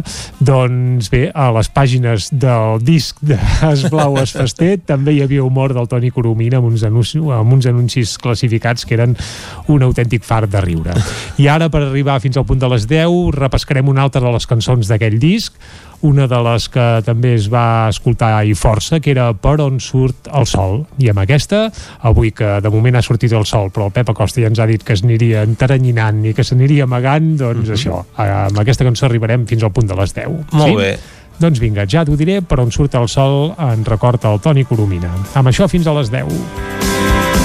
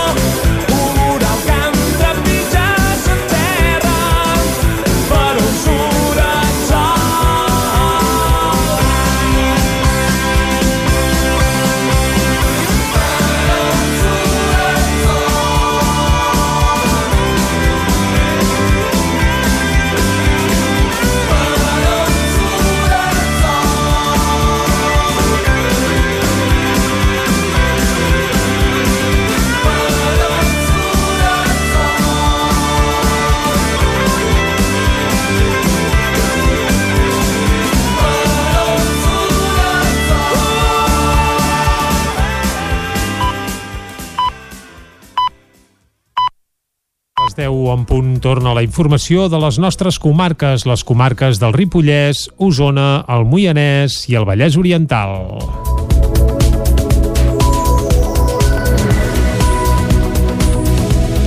Declaren els agents que van abatre cinc dels joves radicalitzats a Ripolla Cambrils. Isaac Muntades, des de la veu de Sant Joan. La tercera setmana del judici pels atentats del 17 d'agost de l'any 2017 a Barcelona i Cambrils va estar marcada per les esfereïdores declaracions dels agents dels Mossos d'Esquadra que van haver de fer front a l'atac terrorista de Cambrils que es va produir cap a la una de la matinada del 18 d'agost d'aquell any. La gent que va batre quatre dels cinc joves radicalitzats va explicar que estaven a l'entrada del Club Nàutic de Cambrils fent un control quan un vehicle es va dirigir cap a ells a gran velocitat amb la intenció d'embestir-los. A la gent només li va donar temps a cridar compte a la seva companya abans que fos atropellada. La gent va veure com el cotxe volcava i del vehicle en van sortir els joves de Ripoll vestits amb vermelles explosives. Un d'ells anava armat amb una destral i va anar cap a ell cridant a l'Ahu Akbar, però va poder abatre'l amb un subfusell. Els altres tres van fer el mateix i també els va batre. La gent, molt nerviós i amb la veu desencaixada, va detallar que va veure la seva companya i una altra persona plena de sang. Des d'aquell dia tampoc ha tornat a ser el mateix. Ha sido reconocido un trastorno por estrés postraumático grave y también he sufrido varios episodios de depresión en los cuales me encierro y me intento aislar de todo. Tengo dificultades serias para dormir, estoy tomando para todo ello. Tengo una hiperalerta constante cada vez que salgo a la calle, miedo, inseguridad. Tengo mucho miedo a que se me reconozca y vuelvan a atacarme. Y lo peor de todo es que encima pues un sentimiento de culpa muy alto por cómo está afectando a mi familia. Curiosament, el jutge Fèlix Alonso Guevara no li va donar la condició de testimoni protegit i el va poder veure tota la sala, inclosos els acusats. De fet, durant la seva declaració i en les posteriors, Disu Kabir, germà de Musa Kabir, el qual va ser batut a Cambrils, va demanar amb gestos aturar les declaracions i fins i tot marxar de la sala, però no va aconseguir-ho. El mosso que va batre quatre dels joves, que des de llavors està de baixa i ha estat proposat per la incapacitat permanent total, no ha rebut cap indemnització del Ministeri de l'Interior ni ha estat reconegut com a víctima del terrorisme. Sí que va ser indemnitzada parcialment l'altra policia pels dies de baixa i les cicatrius a les cames, però no pels danys psicològics. Ella va perdre el coneixement quan va ser colpejada pel cotxe i quan va recobrar-lo estava plena de sang. A més, després d'un silenci aterridor, va veure l'única víctima dels atacs, Ana Maria Suárez, de 67 anys, morta. La gent va disparar un dels terroristes que va passar-li pel costat i va demanar reforços i una ambulància. Ella va estar ingressada durant una setmana i ha estat de baixa aquests 3 anys. Ara ja té la incapacitat total. Així relatava el seu calvari. Bueno, pues no puedo hacer cosas que hacía antes, como tengo que lidiar con la ansiedad. Una cosa, pues que, por ejemplo, quedar con alguien, no puedo quedar a una hora. Eso me estresa. El tener que correr es como una amenaza para mí. Me empiezo a encontrar mal, tengo que respirar y, bueno, cuando tienes a cargo niños pequeños, pues se pasa mal. Y yo en ese momento pensé que me quedaba allí muerta. Cuando me levanté no sabía si era un sueño o lo que, qué es lo que estaba pasando. L'advocat de l'USPAC també va demanar que la gent que va batre Omar Hishami fos declarat testimoni protegit, però el jutge Guevara ho va desestimar. La gent deia que anava de paisà i que allà també hi havia un policia local de Valls que els va assenyalar qui era el terrorista. La gent va disparar contra ell perquè creia que tenia un detonador. La situació era molt tensa. Me mira fijamente, se ríe, diciendo a la va mirándome, pues, diciéndome con la mirada que te voy a matar. Aquest agent pateix estrès postraumàtic i no ha estat reconegut com a víctima del terrorisme. El segon bloc de pisos de Can Garcia a Manlleu està a un pas de l'enderroc. Divendres, els tres últims veïns que hi quedaven van lliurar les claus a l'Incasol. Aquesta setmana està previst que es comenci a desmuntar la instal·lació elèctrica i els ascensors. Amb l'arribada del 2021 s'iniciarà l'enderroc del edifici, un procés que es pot allargar fins a 10 mesos. Paletes tapiant la porta dels últims habitatges és la imatge que divendres es podia veure al segon bloc de pisos de Can Garcia i que es va produir poc després que els últims veïns de l'edifici lliuressin les claus a Incasol. D'aquesta manera es posava punt final a la història d'uns pisos que remunten a la febre del textil dels anys 60 a Manlleu. Aquesta setmana es començarà a desmuntar la instal·lació elèctrica i els ascensors. L'enderroc està previst a principis del 2021. Àlex Garrido és l'alcalde de Manlleu. Aquest bloc té unes característiques diferents perquè no està eh, adossat a l'altre bloc i per tant eh, les tasques són un, una mica més senzilles. En tot cas estaríem parlant de, de tenir eh, els pisos enderrocats a finals d'any. Un cop s'enderroqui l'edifici, caldrà veure si el solar dels pisos de Can Garcia s'hi acaba materialitzant el que preveia el projecte inicial, aprofitar els dos solars buits per construir-hi un edifici de menys alçada i destinar-lo a habitatge digne i assequible. Esperem que sigui un, via, un habitatge eh, digne, que ho serà segur i a més a més accessible i això és el que treballarem a partir d'ara amb la Generalitat a través dels permisos d'obres pertinents i això és la tasca que tenim encomanada eh, ja de cara al 2022. El retorn de les claus no es va produir fins que els tres últims veïns del bloc, dues persones soles i una parella, es van assegurar que ja disposaven d'un habitatge amb els subministraments bàsics donats d'alta. Dissabte se celebrava el 25è aniversari dels acords de Dayton, l'acord de pau que va finalitzar amb tres anys i mig de guerra a Bòsnia. Amb Anna Veskovic, que va arribar de Sarajevo amb la seva família en aquell moment, Cardedeu ha volgut recordar com es van viure aquells anys del conflicte armat.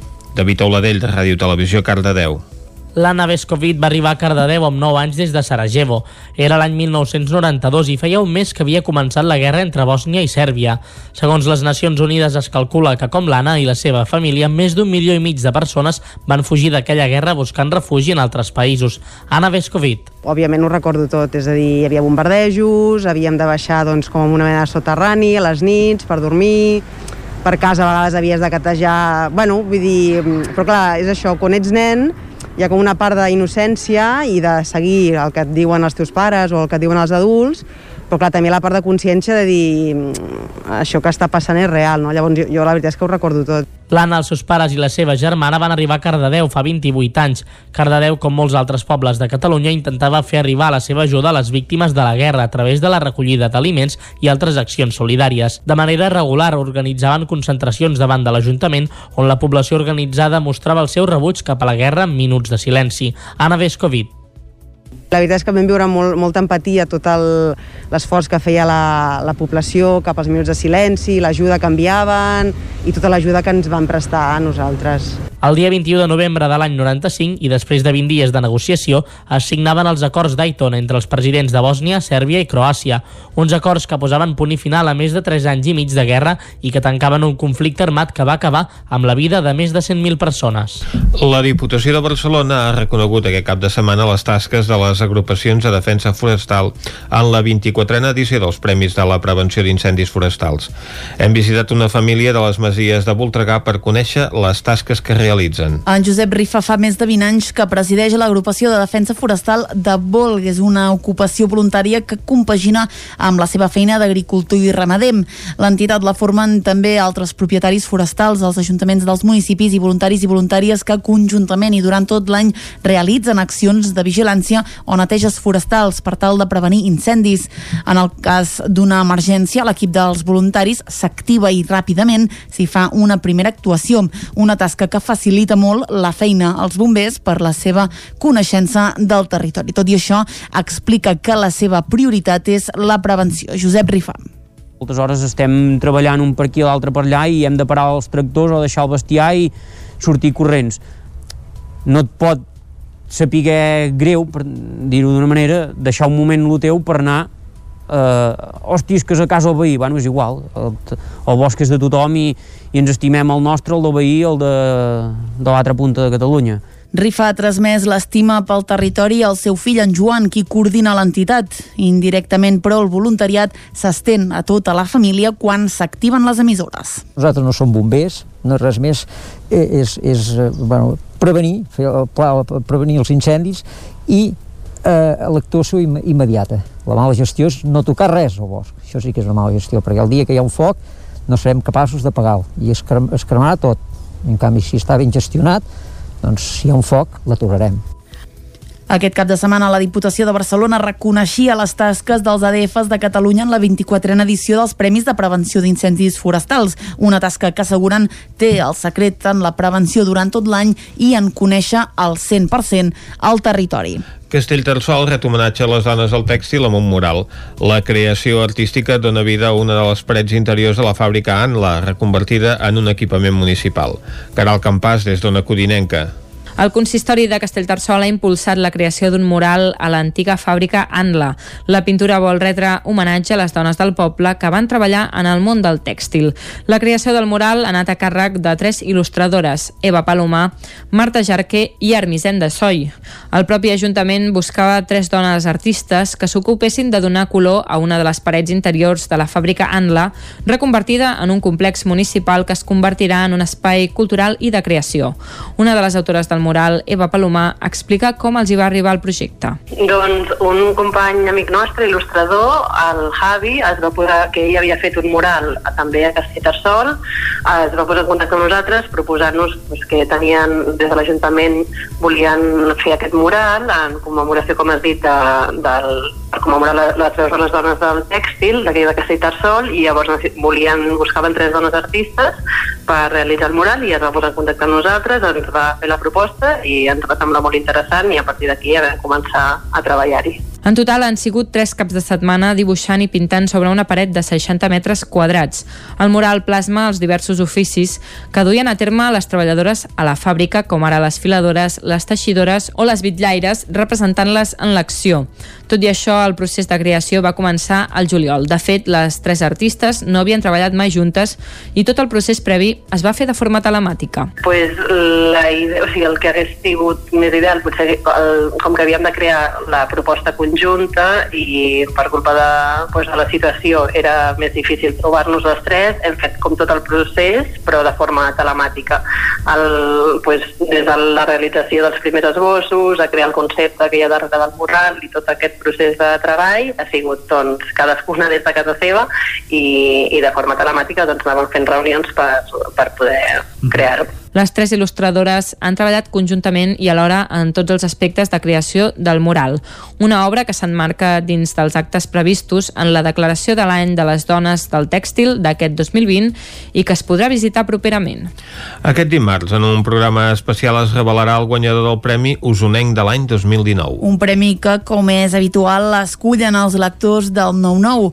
Els finalistes són la gimnasta Pia Arumí, el cuiner Manel Molera i la que va ser la directora del Centre de Normalització Lingüística d'Osona, Dolors Solà. La proclamació d'enguany es farà des dels estudis del Nou TV en el transcurs d'un programa que començarà a partir de les 9 del vespre. I fins aquí el butlletí informatiu de les 10 del matí que us hem ofert amb Vicenç Vigues, Clàudia Dinarès, David Auladell, Caral Campàs i Isaac Muntades. Ara el que toca és acostar-vos de nou la informació meteorològica per saber el temps que ens espera per les properes hores. Anem-hi!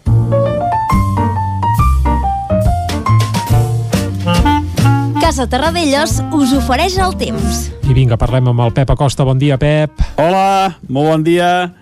L'anticicló comença a marxar, s'acosta una pertorbació per l'oest de la península ibèrica i ja hi ha més núvols. Tenim més núvols prims, cada vegada més, i es notarà, es notarà que ja s'acosta aquest front atlàntic. De cara al migdia i de cara a la tarda, aquests núvols prims que tenim ara mateix, cada vegada més gruixuts, hi ha més núvols baixos també, més núvols mitjans, es anem incrementant la nuvolositat i les temperatures màximes molt semblants a les d'ahir. La majoria entre els 13 i els 16 graus. Farà força fresqueta. Mm, Abrigueu-vos bastant perquè avui serà un dia d'aquells amb bastanta fresca. Uh, clar, no tindrem el sol per escalfar-nos, vull dir, cada vegada el sol anirà desapareixent més, els núvols seran més importants.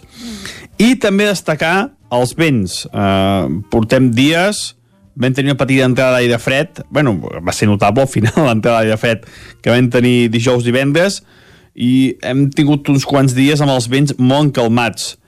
A partir d'aquesta tarda, els vents seran ja una mica més importants, sobretot a les zones de muntanya, entre els 40 i els 50 km per hora de cops màxims.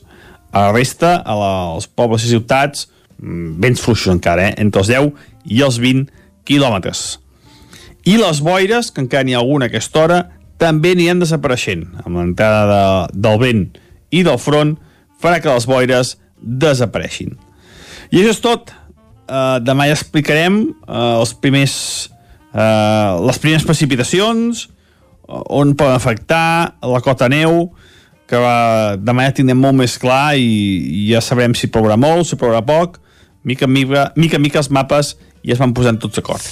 Moltes gràcies i fins demà. Adeu. Vinga, merci amb tu, Pep. Salut. Ara anem cap a l'entrevista. Casa Tarradellas us ha ofert aquest espai.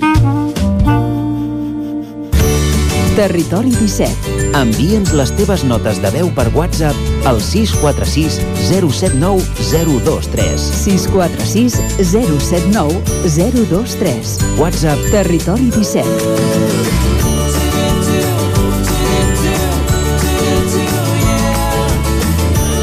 Territori 17. Som a Facebook, Twitter i Instagram amb l'usuari Territori 17.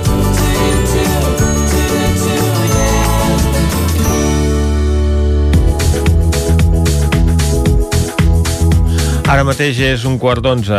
L'Ajuntament de Cardedeu a través de la regidoria d'Igualtat aposta per treballar per la igualtat de gènere i l'erradicació del masclisme i les múltiples violències més enllà de les diades com la que celebrem demà, el 25 de novembre és el Dia Internacional per l'eliminació de la violència contra les dones, però també hi ha el 8 de, maig, de març, el Dia Internacional de les Dones, o el 28 de juny, Dia Internacional de l'Orgull LGTBI.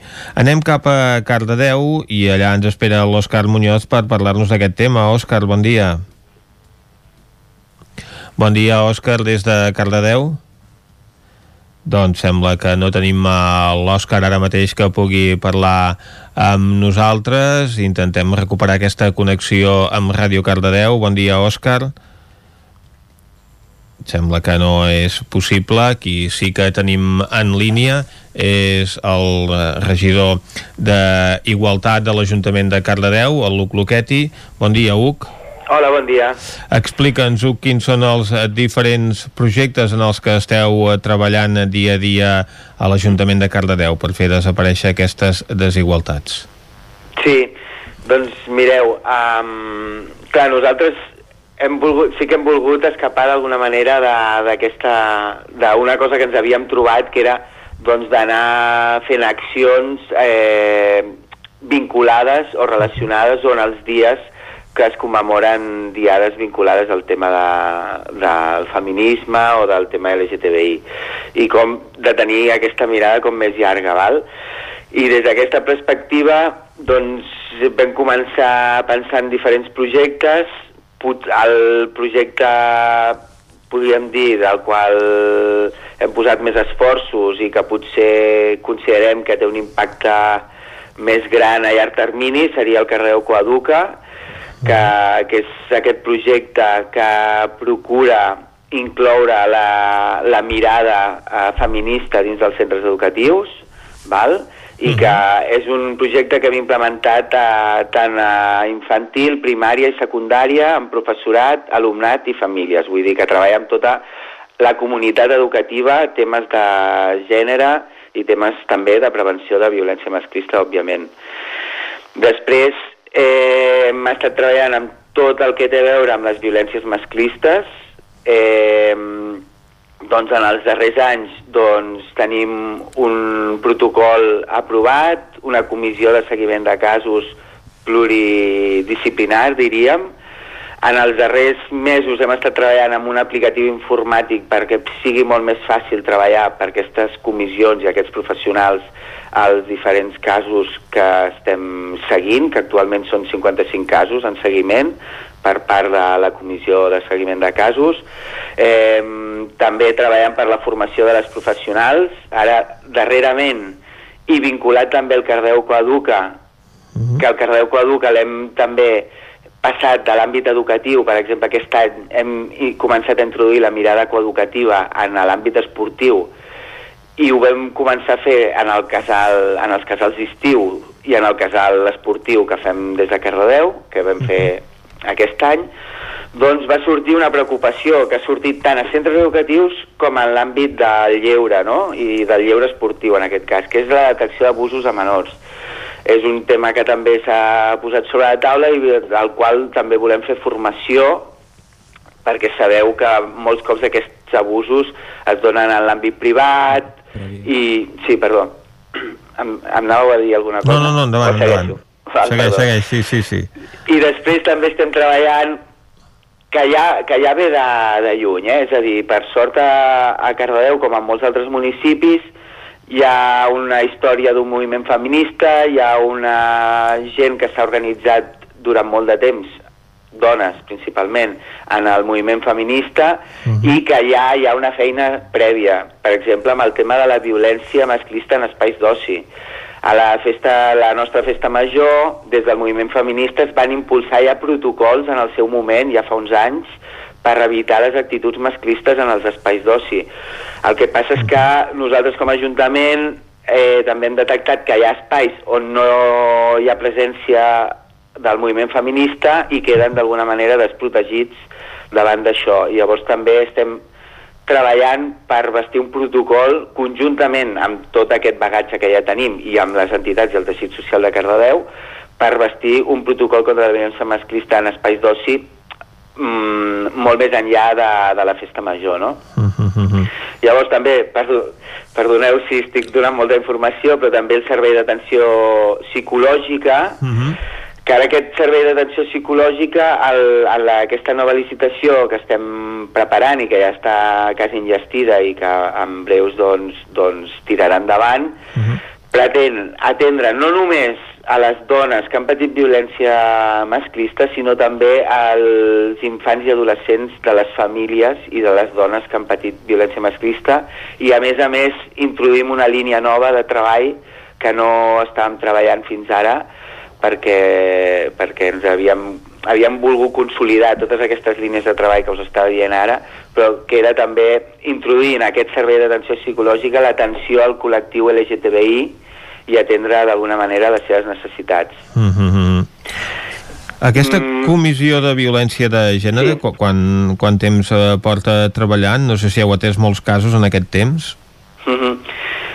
És una comissió que, que com està treballant ara, que és que seria d'alguna manera donant resposta al protocol de violència masclista que el vam aprovar en el mandat anterior uh -huh. i a partir del mandat anterior va començar a vam començar a treballar des d'aquesta lògica i aquesta dinàmica el que passa és que sí que s'ha detectat no només a Cardeu sinó arreu dels països catalans eh, que hi ha hagut un augment de la violència masclista des del confinament uh -huh. Val? És a dir, ens trobem en una situació que és que el confinament eh, porta a, doncs, a que, a que l'àmbit privat doncs, predomini davant de l'àmbit públic, no? que la gent estigui molt més a casa i malauradament sabem que la majoria de violència masclista es dona en l'àmbit privat.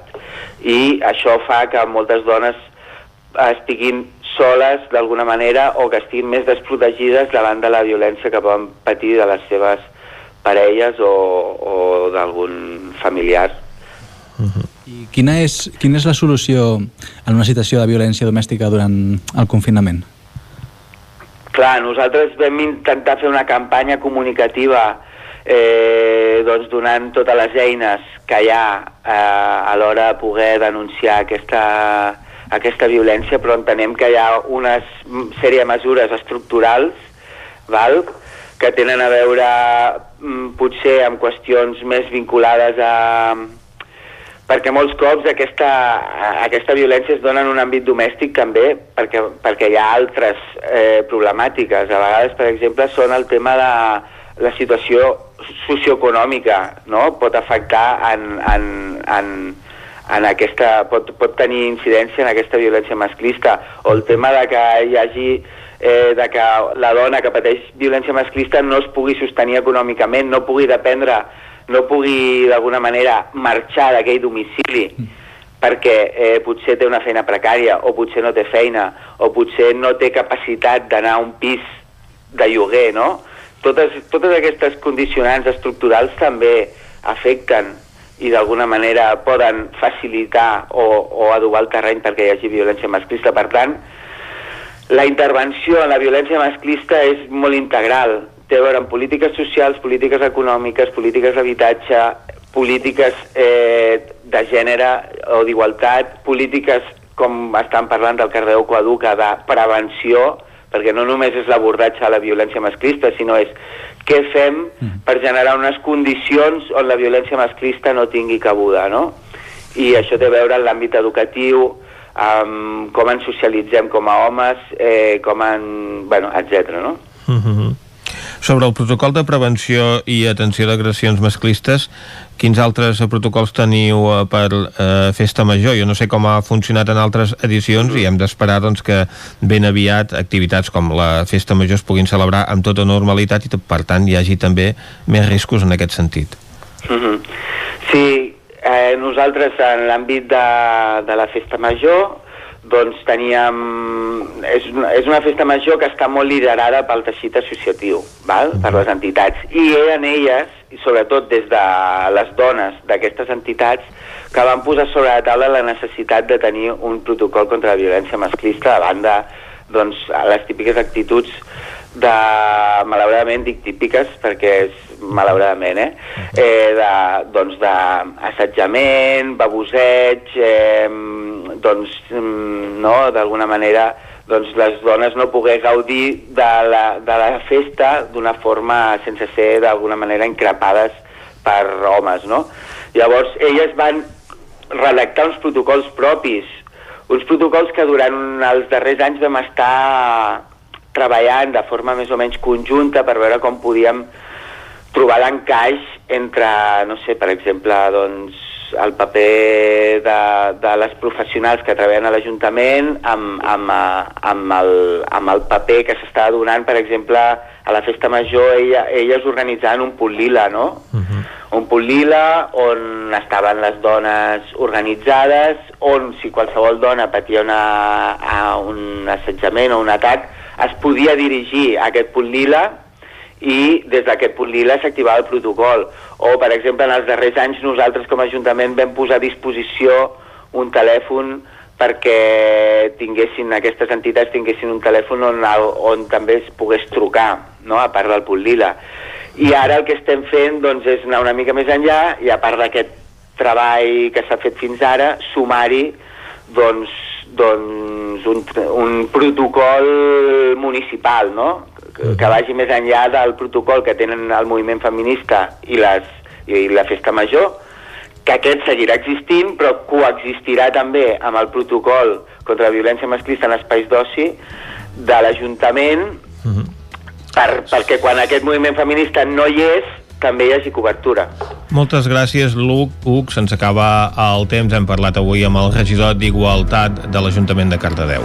Gràcies.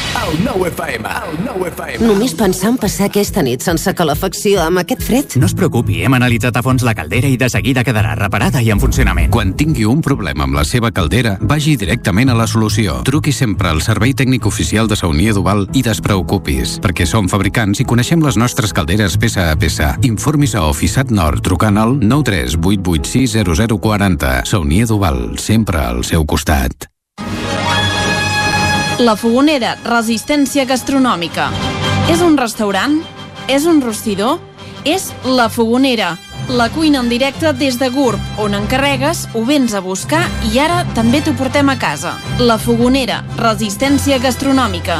Ara amb la fogonera de dia amb aperitius, arrossos, segons plats i postres. I quan cau la nit, ens transformem en un popurri culinari. Burgers, pizza, pasta... Truca al 93 851 55 75 o entra a lafogonera.cat. La Fogonera, el teu aliat gastronòmic. Cocodril Club. Si t'agrada la bona música dels anys 60, 70 i 80, escolta el 9 FM als matins de dissabtes i diumenges d'11 a 1. És el temps del Cocodril Club, tot un clàssic de la ràdio, amb les bases del pop-rock, les llegendes, les cançons que s'han convertit en autèntics himnes. Recorda, dissabtes i diumenges al matí, d'11 a 1, al 9 FM 92.8. Cocodril Club, el programa revival de l'Albert Malla. Hasta luego, cocodrilo. Cobertes serveis funeraris. Els nostres tanatoris estan ubicats en els nuclis urbans més poblats de la comarca d'Osona per oferir un millor servei. Tanatori de Vic, Tanatori de Manlleu, Tanatori de Centelles i Tanatori de Roda de Ter. Sabem que són moments difícils i per això el nostre compromís és atendre-us en tot moment amb un tracte humà, sensible i respectuós. Cobertes serveis funeraris. Telèfon 24 hores 93 883 23 46. Òptica Visual Opti3. Regala qui estimis visió, salut, protecció, prevenció i moda. Per tu, regala't una revisió visual completa. Visual Opti 3, la teva òptica. Ens trobaràs a Facebook, Instagram, visualopti3.com i a la plaça Major 39 de Vic. Per estar bé a casa, vine a Mobles Verdolet sofàs, sales d'estudi, dormitoris, menjadors i molt més. Mobles fets a mida. Mobles Verdolet. Ens trobareu al carrer Morgades 14 de Vic i al carrer 9 44 de Torelló i també a moblesverdolet.com. Mobles Verdolet. El 9FM, el 9FM, el 9FM.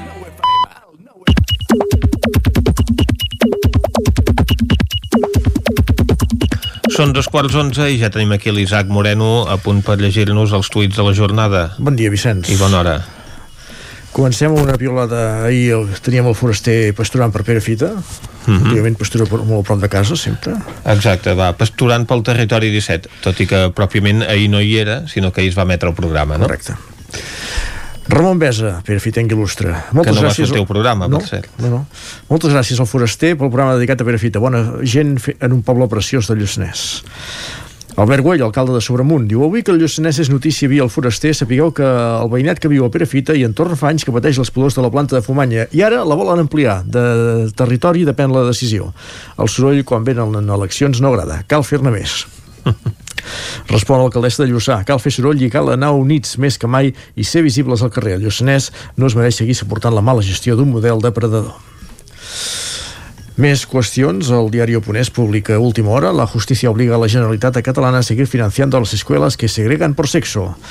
Des de Vic, la Rosa Ballot que repiula i comenta Opus Dei mana sobre els jutges, els jutges sobre la Generalitat, no sé de què serveix votar polítics, sempre manen els jutges. Parlant de polítics, Teresa Jordà, consellera d'Agricultura, d'Esquerra, el masclisme se l'assenyala, es combat i es venç dia a dia i en polítiques republicanes que trenquin amb les desigualtats econòmiques, laborals, socials i jurídiques que patim les dones. Ens volem lliures. Etiqueta 25N, República Feminista, és demà, el dia 25 de novembre. Uh -huh. Efectivament, acabem de parlar ara mateix. Anna Pont, acabarem aquest 2020 recordant els vestits de cap d'any mentre ens mengem el raïm al sofà amb un pijama d'en Mickey Mouse.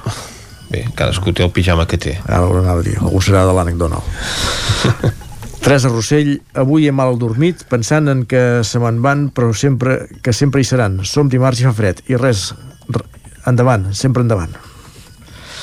Avui m'he adormit he mal dormit pensant en els que se me'n van, perdó, llegim malament el tuit. Robert Jové, no deixeu l'humor en mans de poques soltes. Etiquetes, ai, entre parèntesis, està passant. Aquesta no sabem per quina va però queda dita. I acabem amb Jordi Remolins des de Ripoll. No saber quan viurem ens fa ser eterns. Aprofitem el temps i llibrem-nos de la puta mediocritat a la qual ens empenyen totes les convencionalitats. Jo ho intento dins de la rutina, però segur que hi ha mil milions de maneres per fer-ho. Viviu hòsties. Doncs molt bé, en Jordi Remolins amb la seva contundència habitual. Ara també, com és habitual, que farem és llegir les portades del 99.cat. Doncs comencem amb l'entrevista a un veí de, de Ceba, que ha estat ingressat per la Covid-19 mai a la vida m'havia hagut d'estar 10 dies al llit Mm -hmm. també evitar la solitud no desitjada el projecte que impulsen des de Torelló, Càritas, amb el suport de l'Ajuntament Montesquieu destinarà solars buits a horts socials i aparcaments i un altre dels casos afectats per la Covid-19 el jove torellonc Jordi Cuesta que sigui jove i circumstancial ens pot passar a tots. Més titulars, en aquest cas els de la portada del Vallès Oriental, tres detinguts mentre fugien dels Mossos per un robatori a l'AP7, jutgen un home acusat d'abusos a una menor a l'Amella amb l'excusa de fer-li fotos, Granollers prepara un pressupost de contenció per al 2021 i Mollet recuperarà el mercat setmanal el dimarts 1 de desembre. Molt bé, doncs eh, gràcies Isaac per aquest repàs. Anem nosaltres ara cap a la taula de redacció. Territori 17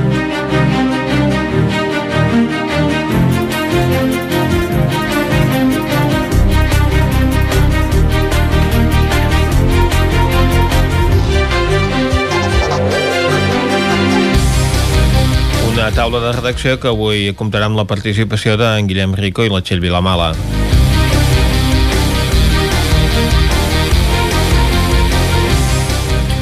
Comencem, eh, Guillem, parlant de la recuperació de l'activitat al menjador social al Tupí de Vic, no? Uh, sí, si vols dir. Uh, parlarem d'això, doncs, pensava que parlaríem d'una altra cosa, però cap problema. Uh, sí, doncs el Tupí uh, van reobrir portes ara fa uns mesos, uh, des de l'agost, uh, perquè això, no?, uh, ells havien hagut de tancar a causa de la pandèmia i el que es van trobar uh, per temes de, de mesures sanitàries uh, i van estar quatre mesos tancats, van reobrir a l'agost i vam anar-hi la setmana passada per veure com estan treballant aquests dies, uh, com, com molts, com a tot arreu vaja, s'han hagut d'adaptar a la nova a la nova situació uh -huh. i ells també van insistir una mica per poder tornar a obrir. De fet, molta gent de, del Tupí són, són voluntaris i, i el que passa és que, mm, clar, són, gent de, són, són molts voluntaris, són, són de risc per l'edat, i llavors també els, això deien que, per aquest motiu també els deien que tanquessin. De fet, moltes persones anaven a, durant la, els primers quatre mesos de la pandèmia anaven al, al seminari a buscar eh, a buscar aquests menús low cost, diguem, que, que, que els donaven amb, per emportar. Uh -huh. El que passa que des de l'equip de gent que gestionen Tupí deien que aquesta gent s'havien de menjar els, els àpats al terra, al carrer, a, a qualsevol lloc. I deien, no, almenys de la dignitat de tenir un plat a taula, no? Uh -huh. I llavors van insistir per poder tornar a obrir, sí que va haver-hi eh, per temes de salut, eh, de risc, etc i, i gent que voluntàriament ja han volgut anar, tot i ser més de risc, doncs han passat de, de 40 voluntaris a 25, van obrir a principis d'agost amb, dos, amb dos usuaris, i ara ja en tenen 18, sí que no s'arriba a les xifres d'abans de, de la pandèmia, que eren de 38, uh -huh. també diuen que normalment amb el fred doncs, doncs això va augmentant. I en tot cas, si tenim temps, eh, parlaré sí. d'aquesta segona onada de pobresa també I tant. Eh, eh, que, que s'ha detectat també a causa de la pandèmia, eh, en què a Càritas doncs, han, han notat, eh, ho dèiem al principi, que la primera onada havia, havia suposat un augment del 30% eh, de, de, del nombre de persones que tenien, moltes que se tenien per primera vegada uh -huh. a causa d'això, no? d'ERTOs, de, això de perdre feina, etc etc. Um, a mesura que va passar l'estiu hi va haver gent que es van reincorporar, però sí que hi ha gent que, que aquesta segona onada no els ha acabat de, de tombar, no? perquè no han pogut eh, reprendre gaire, doncs, o, que ja era, o ja tenien una vida difícil, diguem, doncs això els ha colpejat fort. Deia que aquí a les nostres comarques no, no, no s'ha notat tant aquest impacte de la segona onada eh, en ser municipis més petits, eh, que sobretot ha afectat en llocs més de, de, de 100.000 habitants, de, llocs més grans, però sí que els que ja havien rebut doncs han rebut més. Llavors una dada que, que xoca és que una de cada quatre famílies, una de cada quatre llars, no té cap ingrés, uh -huh. uh, i també uh, uh, i llavors sí que en altres llars doncs, ja es calcula que hi ha un 33% de, de, de caiguda de, dels ingressos i per tant no poden fer sobretot front a banda de, de despeses de primera necessitat, diguem, com pot ser l'alimentació, doncs tampoc en, en temes de lloguers, d'hipoteques i de subministraments. Uh -huh. que un, un percentatge molt petit, un 3,8%, dels usuaris han pogut renegociar els preus o reduir-los, uh -huh. eh, i això sí que ha, ha ajudat a agafar una mica d'aire amb alguns, però sí que hi ha les armes afectades que acaben sent persones que ja tenien feines precàries, no vol dir que sigui tothom gent que no té feina, eh? Sinó que gent que tenen feines precàries, algunes que vivien d'economia no informal, com treballadores de la llar, i gent que estaven en situació irregular, també famílies monoparentals o això. I llavors una, una, un tema nou que han detectat, diguem, una problemàtica nova, és aquesta, aquesta bretxa digital, no? que molta gent, doncs, que un 35,8% de les famílies tenen dificultats per fer tràmits administratius, per exemple, per demanar ajuts, però alguns ja, o perquè no tenen connexió, o perquè no tenen les habilitats per fer-ho. Llavors, des de Càritas també els donen aquest suport uh -huh. per, per poder-ho fer, perquè deien, ha anat bé perquè s'ha digitalitzat, digitalitzat en molta part administrativa, però clar, hi ha gent que no hi té accés, que això encara els dificulta més. I una altra problemàtica nova també és que moltes persones d'aquestes de, de risc, famílies vulnerables, amb el tema del tancament de les escoles, un 12% van, van, es van veure obligades, algú de la família, a deixar la feina per poder cuidar els fills. Uh -huh. Perquè o no tenien diners per deixar-los a càrrec de ningú perquè hi havia l'escola tancada, o no tenien xarxa familiar eh, que se'n pogués fer càrrec o algú de, de proper que ho pogués fer i que per tant eh, no poder assumir la despesa de, de, de, poder, de cuidar els fills doncs acabaven deixant ells la feina per, per cuidar-se d'ells i molts d'aquests no han pogut tornar a, a treballar. Uh -huh. Tot i això remarcaven no? aquesta sensació de comunitat positiva d'algun veïnatge que deien això s'ha creat una mica de comunitat veïnal en alguns aspectes que també ha ajudat a, a pal·liar aquestes situacions, però tot i així creuen que, que bueno, els preocupa perquè creuen que un cop acabi la pandèmia que encara es trigarà anys a recuperar els indicadors d'anys anteriors que per algunes famílies ja no eren I havien anat a la baixa, no? gaire esperançadors, exacte. Uh -huh. Molt bé, moltes gràcies doncs, eh, Guillem eh, per posar-nos llum a aquesta situació que estan patint moltes famílies vulnerables ara nosaltres anem a parlar amb la Txell Vilamala bon dia Txell Bon dia. Txell, a Callatenes hi va haver una protesta d'un seguit de persones que van encerclar la zona de les adoberies. Exacte, dissabte a la tarda hi va haver un acte reivindicatiu a Call d'Atenes, unes 200 persones van encerclar el sector de les adoberies que com hem anat explicant aquí al 9FM eh, és un sector que ara mateix no està urbanitzat en el qual des de l'any 2006 però ja ha aprovat un projecte per urbanitzar urbanitzar-lo i construir-hi 342 habitatges entre cases unifamiliars i pisos. Carai. i ara eh, s'ha accelerat eh, tot això, estava aturat, evidentment hi va haver els anys de l'esclat de la bombolla immobiliària i la crisi econòmica, tot això estava aturat, però s'ha reactivat i amb aquesta re eh, reactivació també ha nascut un col·lectiu al poble que ha començat a caminar precisament eh, per evitar que s'urbanitzi. El que defensen des d'aquest col·lectiu eh, és que Call d'Atenes ara mateix no necessita un creixement d'aquest tipus. eh, segons els estudis que es van fer quan es va aprovar el projecte es calcula que en aquests 342 habitatges hi podrien arribar a viure unes 900 persones. Ara Call d'Atenes oscil·la entre 2.400 i 2.500 habitants, per tant creixeria gairebé eh, en 1.000 habitants, cosa que des d'aquest col·lectiu eh, defensen que és totalment desorbitada.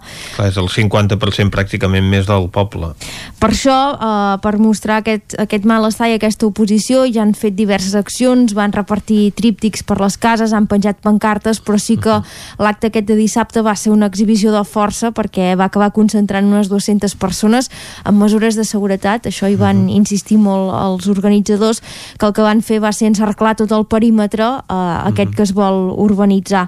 En l'acció reivindicativa també hi van participar els dos regidors de Call d'Atenes present i futur, que estan a l'oposició, i els dos de Poble en Marxa Amunt, que estan al govern.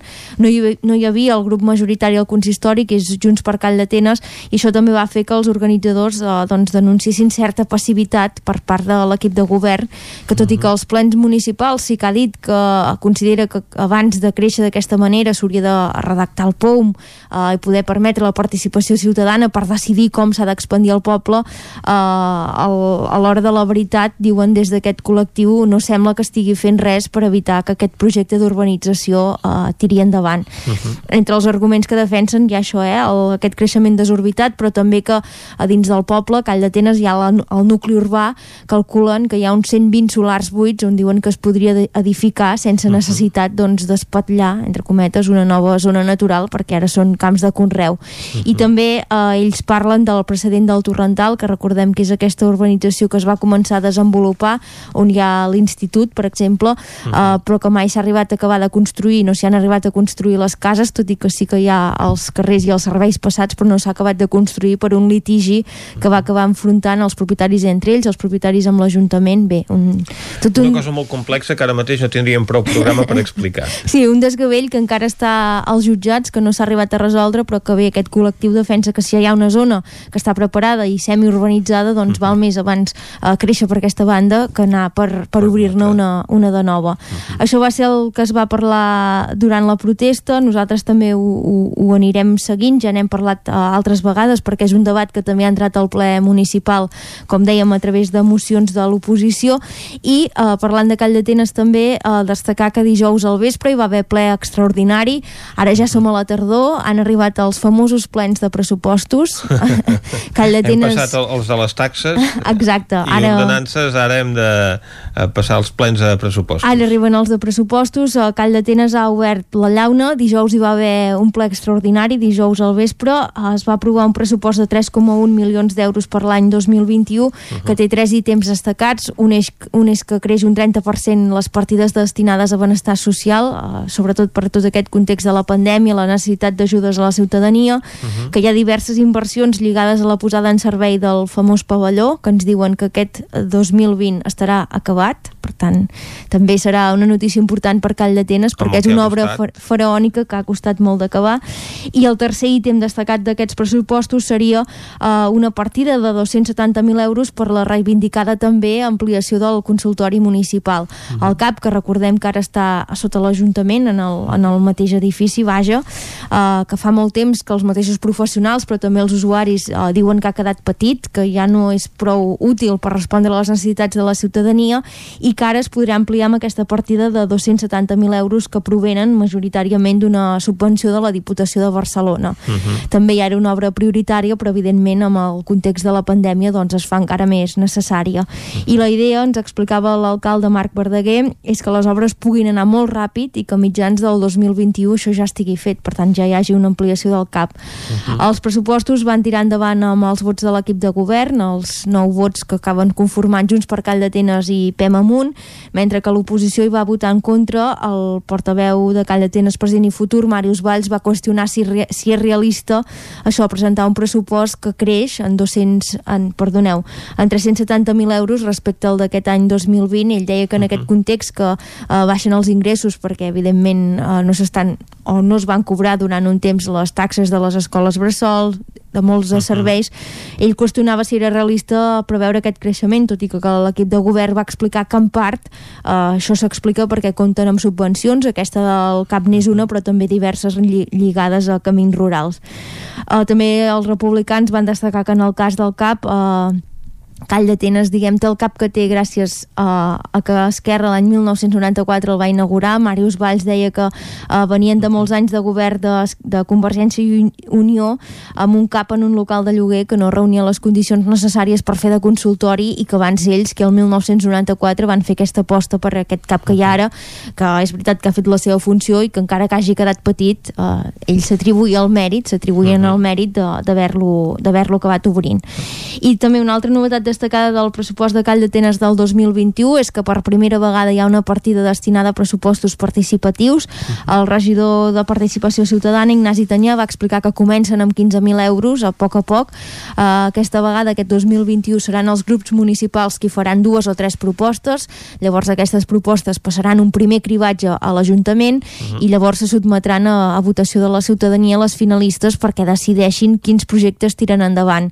De cara a l'edició següent, que ja serà el 2022, la intenció sí que ja és que siguin els veïns i veïnes qui puguin fer els plantejaments dels projectes que llavors se sotmetin a, a votació.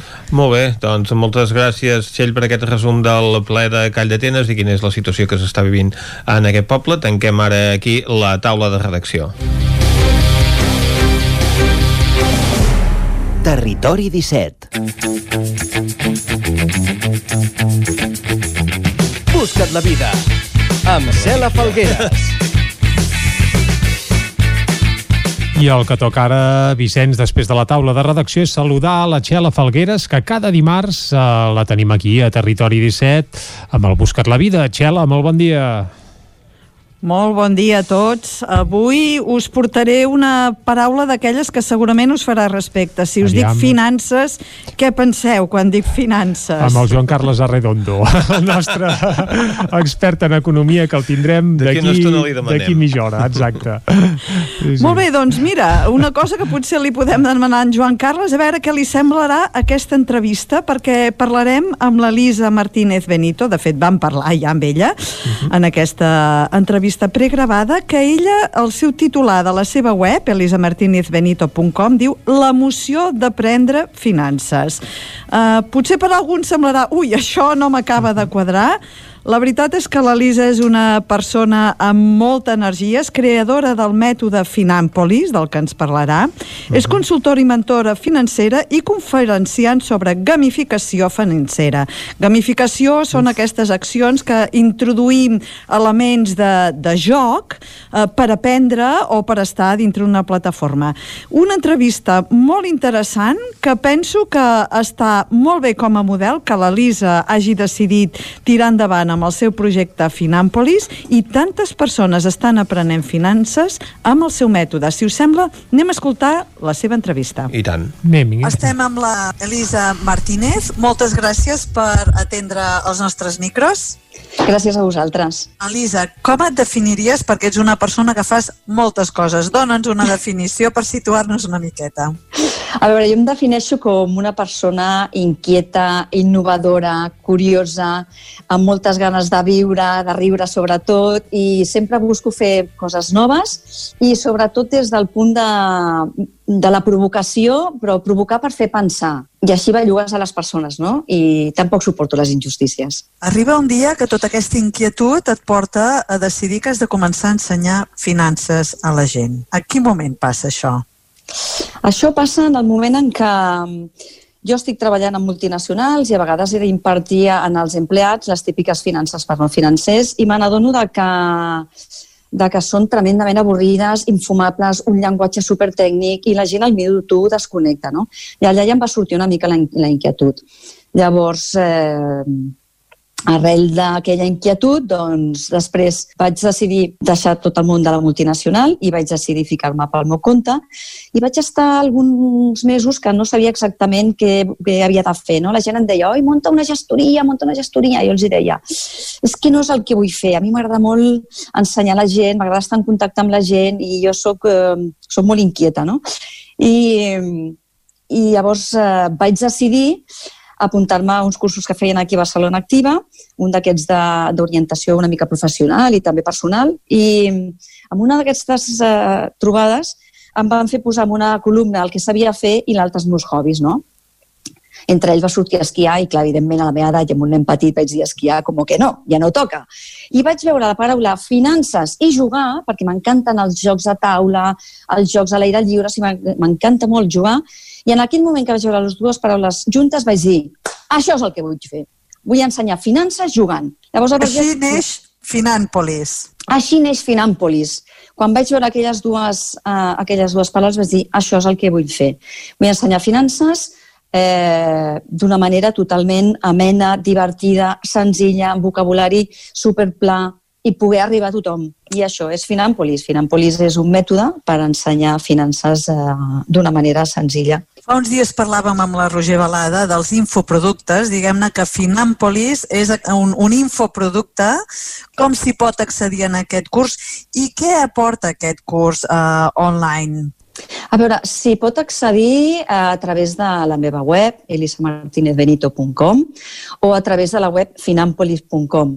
En allà hi haurà, ha, la Finanpolis es pot aprendre de dues maneres. Es pot fer presencial, o es feia presencial fins abans de la Covid, evidentment, i ara des de fa un any o així ho estic fent també online. Val? Llavors, a nivell presencial, doncs, eh, es podia fer, doncs, eh, ja dic, a les classes el que fem és eh, juguem a cartes, juguem a pilota, fem carreres de relleu, i tot això per aprendre finances. Llavors el que vaig voler va ser portar l'experiència del joc també a l'online. La gent quan pensa en, un, en una gamificació, per exemple, pensa en, en videojocs. No és un videojoc. Jo ensenyo, fin, uh, tinc un curs de finances online, on hi ha vídeos, hi ha exercicis en alguns llocs, hi ha sorpreses, hi ha reptes, val? hi ha premis, però no és un videojoc. La finalitat és l'aprendre, no és el jugar. Finanpolis es troba aquí, a, a la xarxa, sobretot Facebook, Instagram. Quina necessitat estàs tu veient que tenen les empreses ara de que els seves eh, treballadors o els directius o càrrecs que sigui tenen d'aprendre finances? Quina necessitat real hi estàs veient tu després de tota aquesta experiència amb aquest curs amb gamificació? Bueno, uh, des de fa set anys que estic fent aquests cursos i me n'adono que sobretot hi ha molta mancança per part d'autònoms i petits empresaris o fins i tot startups. No? Llavors hi ha molta mancança en tot perquè mm, una de les coses que vaig aprendre quan jo vaig començar a ficar-me pel meu compte és que necessites saber de tot. La gent, per exemple, sap d'arquitectura i sap molt del seu negoci, però s'oblida que té un negoci. Quan tens un negoci has de saber altres àrees. No has de ser un expert en tot, però sí conèixer-ho, no? Llavors, crec que hi ha molta mancança i molta de, uh, delegar la part financera en un gestor. I en realitat el gestor l'únic que ens fa eh, eh, normalment a tots els autònoms i a totes les petites empresa, eh, empreses, el que fa és, tu li entregues els números i un cop al trimestre pagues els impostos sense saber què pagues i un cop a l'any et diu, bueno, quan vols pagar? No?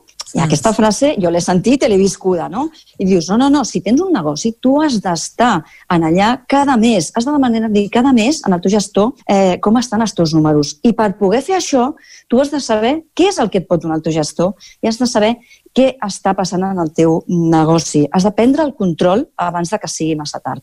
Sí, jo estic d'acord amb tu. Jo crec que el tema de les finances sempre s'ha presentat com una part de l'empresa molt àrida, que només hi ha una quanta gent que ho sap, i a nivell de la nostra societat, no? Potser si la gent hagués entès una mica més bé com funciona l'economia, les finances i tot aquest món, potser no hi haguessin hagut tants, tantes llàgrimes amb gent que s'ha enganxat els dits en productes que són d'alt risc o gent que ha invertit en una forma que no entenia que invertia o gent que no entén que tu els teus balanços poden dir que tens uns beneficis però si no tens el cash flow ben organitzat no pots ni anar a comprar pa sense demanar un crèdit no? Sí, sí, sí, correcte. Uh, el problema que hi ha hagut sempre és aquest desconeixement i la por a la paraula finances. No? Des de mm. petit no ens han educat a parlar de diners i de parlar de finances. Llavors, clar, quan jo ho faig des del punt de vista d'empresa, ensenyo doncs, el que és un balanç, una compta de resultat, fer pressupostos, i em trobo que actualment em ve molta gent que potser ja és massa tard, haurien d'haver començat a prendre acció abans. No? Llavors jo sempre estic convidant, faig webinars eh, pràcticament cada setmana i el que convido a les persones és a que prenguin acció ja abans de que sigui massa tard, perquè jo sí que puc ajudar les persones no? a, a intentar a fer un quadre de, de comandament, a, a intentar tenir el control, a controlar les despeses, però clar, són ells que han d'actuar i han d'actuar abans. Ja em, em trobo ara actualment persones que, que pensaven que estaven guanyant diners, van demanar un crèdit ICO, aquests famosos crèdit ICO, vale? i jo les pregunta que els hi faig és eh, com és que l'has demanat si després no el podràs tornar? I em diuen, sí, sí que puc tornar, però si tinc diners. Dic, no, no. Tu has, de... o sigui, abans el teu negoci ja no generava beneficis, amb la qual si ara demanes un crèdit ICO, després no el podràs pagar, no? Llavors, quan veuen això, s'esgarrifen. Llavors sempre dic, agafeu el control abans perquè després serà massa tard. No, no, ja suposo que t'arriben casos molt, molt crítics. Anem a parlar de coses positives, perquè sabem Vinga. que el tema de les finances sempre espanta una mica, no? Però segur que la teva experiència emprenedora hi ha hagut moments molt enriquidors. Posa'ns algun exemple, il·lumina'ns una mica. Moltíssim. Jo, el dia que vaig decidir fer el pas i ficar-me com a emprenedora, realment estava aterrada, tenia moltíssima por, però vaig tenir la sort de conèixer a gent fantàstica que em van obrir un món, per exemple, en el món del coworking, no? que no calia agafar un lloguer gran per ficar-me eh, jo allà dins, sinó que et rodejaves de gent que estava en la mateixa situació de tu, que tu i que a dia d'avui molts d'ells són col·laboradors meus, ens intercanviem clients, feines, ens ajudem, quan un està desmotivat, l'altre eh, ens motiva, no? I llavors eh, he tingut la sort de rodejar-me de gent brillantíssima que m'ha ajudat a créixer com a persona i com a professional. Ja per acabar, sé que l'entrevista queda curta, deixarem que els nostres, eh, eh, la nostra audiència pugui llegir més de tu en l'article que posarem a la web i puguin visitar la teva web per saber-ne molt més.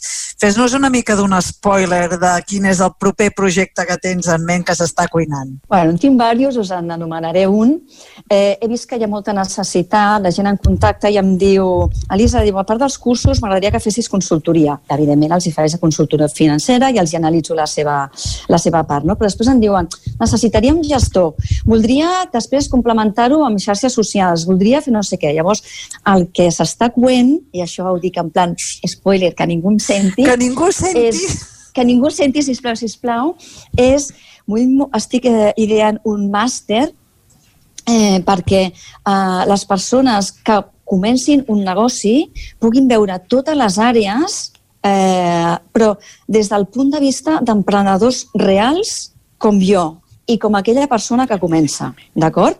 Amb classes magistrals, però que classes magistrals que siguin directes i que siguin útils, perquè a vegades hi ha classes magistrals ja molt fake per, per, per a, avui en dia tothom es dedica a fer webinars i tal, i a la que rasques una mica no hi ha res al darrere, no?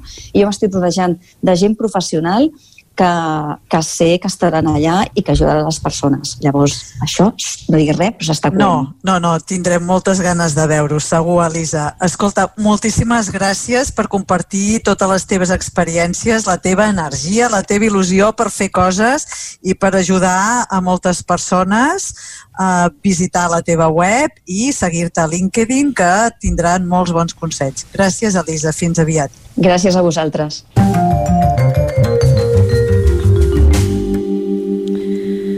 L'app d'aquesta setmana, de fet, és una obra d'art que convida el jovent a parlar en nom del planeta i els adults a escoltar-los. Us estic parlant de Earth Speaker. Està disponible de forma gratuïta per Android i iOS i va ser creada per l'artista Olafur Eliasson i parla en 24 idiomes. Us explico una mica com va. Amb aquesta aplicació pots sobreposar cares a objectes del nostre entorn, per exemple, eh, una, una soca d'arbre, una boca de, de rec, eh, el que vulguis, i aquestes cares tenen una breu pregravada, que és la del seu autor deixant el missatge. Per exemple, pots tenir una ampolla de plàstic amb una cara enfadada que digui no vull plàstic dins dels peixos. Aquesta veu de no vull plàstic dins dels peixos l'ha gravat el nen que ha creat aquesta composició. Aquests missatges es poden geolocalitzar i compartir en xarxes de manera que de forma creativa es poden fer arribar aquests pensaments de nens i joves sobre el nostre planeta molt més enllà.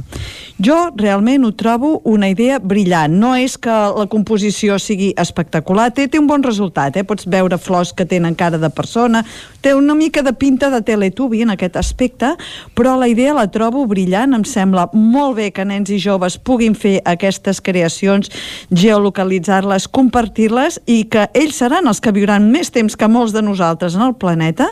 Per tant, per mi, aquesta aplicació es mereix un 5 de 5 i feia temps que no posàvem un 5 de 5. Carai, carai, que generosa. Vinga, Vinga us convido a que, la, a que la descobriu. Ja us deixaré els enllaços i tota la mainada i jovent, si plau, que ens deixin missatges i, i, i tirem endavant amb aquest projecte que és molt bonic. Trobo que és una idea brillant. Anem a les notícies.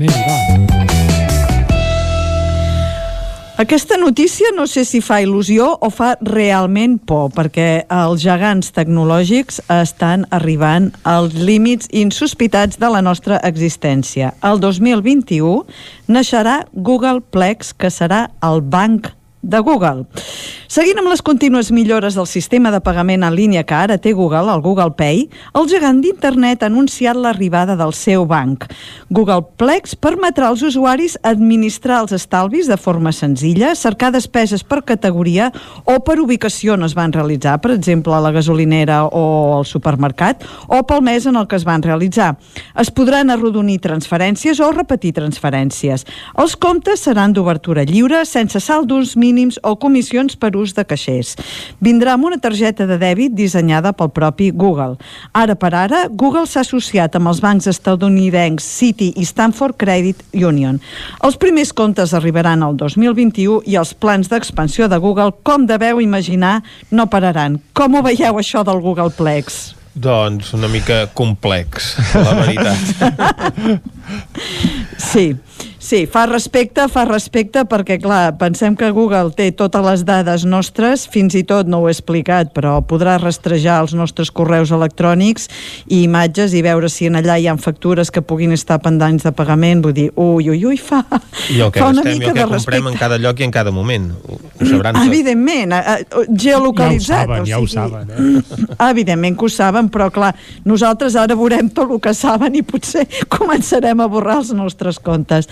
Vinga, abans d'acabar, la xarxa Snapchat també s'apunta a tenir la seva mena de TikTok i pagarà en els usuaris per crear contingut. Després de l'enfrontament que va tenir amb TikTok per funcionalitats alimentades amb música, ahir Snapchat va llançar oficialment una secció dins la seva aplicació on els usuaris podran veure vídeos curts i entretinguts amb desplaçament en vertical. Vaja, ben bé com un TikTok.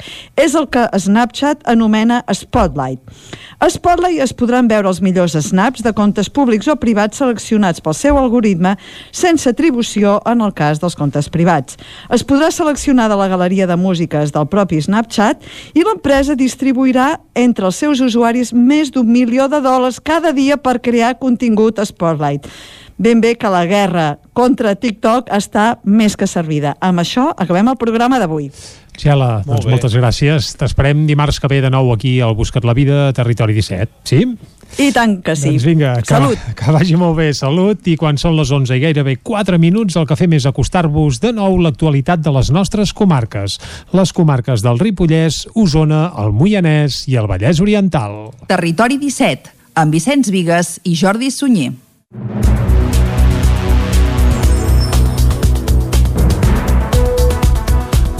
El secretari de Salut Pública, Josep Maria Argimon, ha afirmat que a finals de gener es podria començar a vacunar contra la Covid-19 i arribar a un 70% de la població durant el 2021.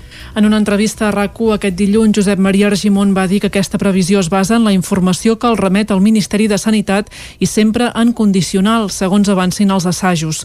Si es van complint etapes, a finals de gener podrien arribar unes 350.000 dosis de la vacuna de Pfizer per començar-se a administrar en 175.000 persones, un volum de pacients que començaria a desenvolupar immunitat a mitjans de març. El secretari de Salut Pública va afegir que s'hauria d'arribar a un 70% de vacunació i calcula que això seria durant el 2021, però no abans de l'estiu. Argimon va detallar que en un primer moment es vacunaran els col·lectius més vulnerables, com els que viuen en residències i els seus cuidadors. Després, els sanitaris i altres professionals que estan en primera línia tant en l'atenció primària com als hospitals i, posteriorment, els que no estiguin estiguin en primera línia. Va explicar també que aquelles persones que ja han han passat, hagin passat la Covid podrien ser vacunades més tard si s'ha de prioritzar per número de vacunes disponibles. El secretari de Salut Pública es va mostrar convençut que l'estiu de 2021 serà millor que el de 2020 i que es podrà fer vida una mica més normal, ja que hi haurà força població de risc vacunada. També va augurar que en algun moment es farà net amb el virus, tot i que reconeix l'hivern serà dur i caldrà seguir la seva evolució.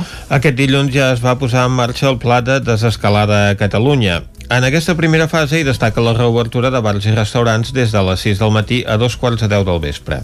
L'aforament permès a l'interior dels establiments és del 30%, mentre que a l'exterior és del 100%. També cal garantir la distància de 2 metres entre taules amb un màxim de 4 persones per taula, excepte si són d'un mateix grup de convivència. Els bars i restaurants d'Osona han tornat a reobrir els seus establiments i a desplegar les terrasses.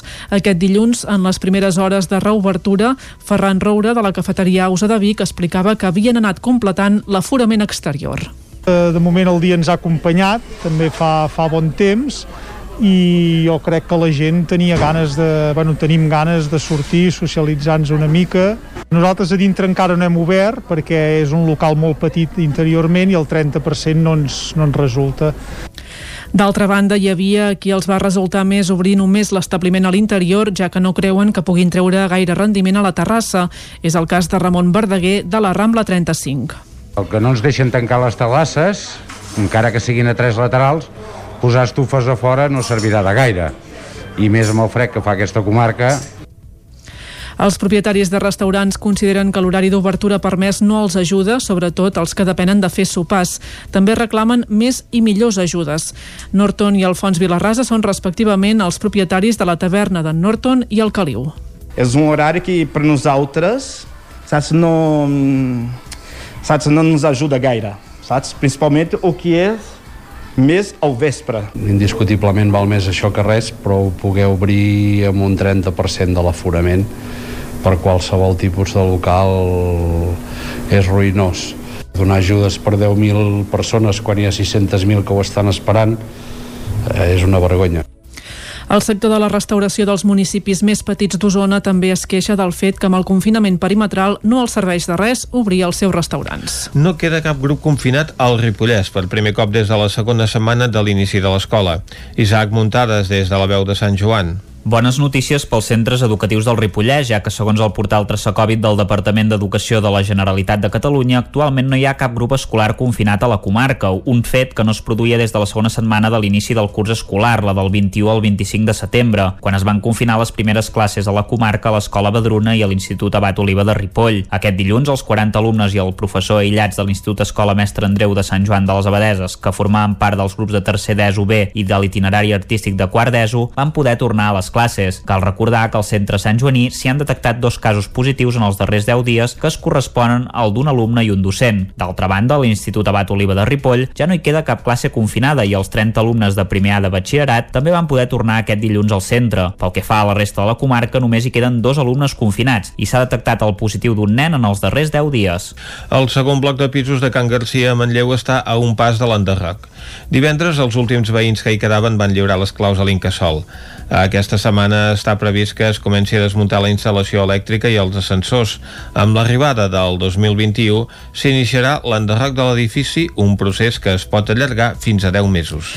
Paletes tapiant la porta dels últims habitatges. És la imatge que divendres es podia veure al segon bloc de pisos de Can Garcia i que es va produir poc després que els últims veïns de l'edifici lliuressin les claus a Incasol.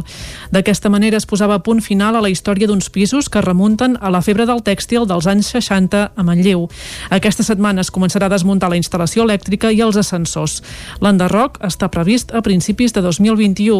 Ho explica Àlex Garrido, alcalde de Manlleu. Aquest bloc té unes característiques diferents perquè no està eh, adossat a l'altre bloc i per tant eh, les tasques són un, una mica més senzilles. En tot cas estaríem parlant de, de tenir eh, els pisos enderrocats a finals d'any. Un cop s'enderroqui l'edifici, caldrà veure si el solar dels pisos de Can Garcia s'hi acaba materialitzant el que preveia el projecte inicial, aprofitar els dos solars buits per construir-hi un edifici de menys alçada i destinar-lo a habitatge digne i assequible. Àlex Garrido. Esperem que sigui un, via un habitatge eh, digne, que ho serà segur i a més a més accessible i això és el que treballarem a partir d'ara amb la Generalitat a través dels permisos d'obres pertinents i això és la tasca que tenim encomanada eh, ja de cara al 2022. El retorn de les claus no es va produir fins que els tres últims veïns del bloc, dues persones soles i una parella, es van assegurar que ja disposaven d'un habitatge amb els subministraments bàsics donats d'alta. Calda Solidària convoca una concentració de suport al poble saharaui. L'acte a la plaça de l'UO de Caldes de Montbui va plegar unes 50 persones aquest dissabte. Caral Campàs, des d'Ona Codinenca. L'entitat Calda Solidària va convocar una trobada reivindicativa aquest dissabte al matí per donar suport al poble saharaui davant de l'ofensiva militar marroquí que es va alçar la matinada del passat divendres. L'entitat, en un acte realitzat amb el suport de l'Ajuntament de Caldes, va reunir una cinquantena de persones a la plaça 1 d'octubre que van mostrar el seu suport al poble saharaui i el seu rebuig cap a l'acció militar marroquí. La història més recent del Sàhara Occidental està marcada per la lluita contra l'ocupació després que el Marroc l'envaís militarment a finals de l'any 1975. Des de llavors, el poble saharaui viu dividit geogràficament d'una banda en un territori ocupat i sotmès a un règim autoritarista i de l'altra exiliat en la part més inhòspita del desert d'Algèria. Mentrestant, les forces marroquís han estat pescant en aigües saharauis i aprofitant-se dels seus recursos naturals. No va ser fins a l'any 1991 en què tots dos pobles van signar un tractat de pau pel qual l'Organització de les Nacions Unides es va comprometre a vetllar i a observar. A més, també va prometre facilitar l'organització d'un referèndum per l'emancipació del Sàhara Occidental, però gairebé 30 anys després encara no ho ha fet. Després d'haver signat el tractat, ni el Marroc ha abandonat el territori saharaui ni el Sàhara ha pogut organitzar el referèndum d'autodeterminació promès per l'ONU. Després de les protestes saharauis, la matinada del passat divendres, el front militar marroquí va desplegar una ofensiva a Gergerat que vulnera l'alto al foc signat gairebé fa 30 anys. En aquest sentit, al final de l'acte, on va fer presència l'alcalde Isidre Pineda, aquest mateix va reclamar la llibertat del Sàhara i un referèndum. El projecte Zona Vermella de la Cardedeuenca Olga Vinyals ha estat un dels 20 projectes premiats amb la beca SOS Cultura de la Fundació Carulla, que tracta les emocions des del punt de vista de la tercera edat al confinament. David Auladell, de Ràdio Televisió Cardedeu. La cardedeuenca Olga Vinyals, directora del grup de teatre Artesena Social, ha estat guardonada amb una beca de 4.000 euros per la Fundació Carulla. La Fundació ha presentat el nom dels projectes guanyadors de les beques SOS Cultura, un programa extraordinari de suport als creadors culturals dotat amb 100.000 euros. Sota el lema contra l'emergència emocional de la Covid-19, SOS Cultura ha escollit 20 projectes en la categoria de creacions a l'espai públic. Olga Vinyals. I eh, volem representar una mica les emocions que han pogut una mica eh, no, tenir la gent gran durant el confinament. En el fons, doncs, la por, l'aïllament, la mancança de família, la finestra on veure el que passa fora, eh, la soledat Llavors, aquestes emocions, d'alguna manera, es, es viuran en aquests vuit mampares o vuit eh, espais aïllats. Eh, I la novena, que és la que jo penso que pot ser molt xula també i molt, molt interessant, és que un cop hagi passat la gent, perquè la gent passarà com un, itinerari per totes les mampares, hi haurà algú que els portarà i anirà passant per cada mampara allada. A la novena mampara la gent que vulgui podrà d'alguna manera o escriure o gravar-se o dir una poesia o escoltar o el que vulgui o expressar el que ha sentit durant tot aquest itinerari. A partir d'ara, Vinyals comença un procés de preproducció on haurà de treballar la viabilitat de tot el projecte amb la beca atorgada. Durant aquest procés també realitzarà un recull de testimonis i escrits per part de qualsevol persona que els hi vulgui fer arribar a la companyia amb l'objectiu de redactar el guió definitiu de l'obra. I fins aquí el butlletí informatiu de les 11 del matí que us hem ofert amb les veus de Vicenç Vigues, Clàudia Dinarès, David Auladell, Caral Campàs i Isaac Muntades. Ara un breu parèntesi de mig minut i anirem, com fem tots els dimarts, cap a parlar d'Economia. Ho farem, com sempre, amb el Joan Carles Arredondo. Territori 17. Envia'ns les teves notes de veu per WhatsApp al 646 079 023. 646 079 023. WhatsApp Territori 17.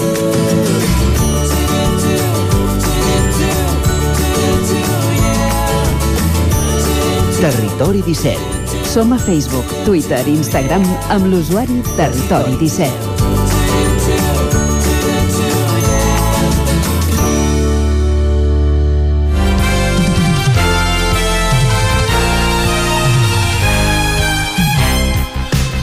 Com us dèiem, ara és l'hora de parlar d'economia. De fet, ja fa estona que parlem d'economia, perquè avui la Xela Falgueres en el seu espai doncs, també ens ha parlat d'una iniciativa en aquest sentit i de les novetats pel que respecta a Google, que vol de, també posar en marxa el seu banc virtual. Però ara no parlarem ni d'una cosa ni de l'altra, sinó d'un tema del qual també n'hem parlat abans, que és el tema pressupostos, i ara és l'hora doncs, que les administracions estan preparant i aprovant els pressupostos de l'any vinent, i això vol dir també doncs, que han d'aprovar el règim impositiu que faci viable aquests pressupostos, no, Joan Carles Arredondo?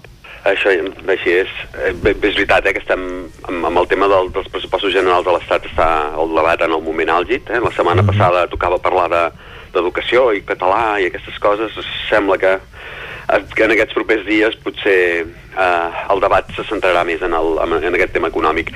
Eh, no és estrany que la tensió en el moment actual s'estigui intensificant, la tensió sobre els pressupostos, perquè eh, aquest moment, diguem-ne, demana molta inversió estatal per atendre una pandèmia, amb uns recursos que ja habitualment són limitats, doncs, eh, doncs en aquest cas en, el, en què les necessitats s'han incrementat, diguem-ne, doncs, eh, doncs encara seran més limitats, no? És cert que l'Estat haurà de gastar forçosament més, fins i tot per sobre de les seves possibilitats, eh? com es deia que, que havia fet la població en els anys previs a l'esclat de, de, de la crisi del totxo. D'això ja fa més d'una dècada i també deien que, que la ciutadania vivia per sobre les seves possibilitats, doncs és probable que ara sigui l'Estat el que visqui per sobre les seves possibilitats. Sí, el que, que passa. Sí, sí, però, però, però en aquest cas diguem-ne que mm, molt clarament i a més amb, amb amb un motiu molt clar, no? Amb, amb, amb un motiu molt clar que és, que és el, el virus uh -huh. i, i després amb, amb, amb, tota, amb totes les necessitats econòmiques que es deriven de les mesures que s'estan prenent. No? Uh -huh. Um, el que es podria anomenar com el pressupost de la Covid uh, arriba amb controvèrsies pròpies a temps pretèrits.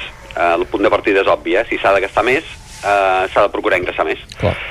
Amb la relaxació de les mesures europees d'austeritat potser no caldrà ingressar tant com el que es gastarà de més, eh? perquè diguem-ne que han, han tret el límit de dèficit i això diguem-ne que permet eh, eh, incrementar la despesa mm, i no tant els ingressos, eh, tard o d'hora això s'ha d'acabar pagant, eh? tot, tot el que és dèficit eh, acaba sent... Eh, Deute. Acaba sent finançament, eh? Sí, sí. I, i El efectivament dèficit, deute. el dèficit es converteix en deute que després has d'anar pagant amb el temps. I això és probable que ho acabin pagant, no sé si, si els fills, els nets, els besnets, però, però s'acabarà pagant, no? O com a mínim quedarà a perpetuïtat eh, la necessitat de, de que aquesta diferència doncs s'acabi cobrint, no?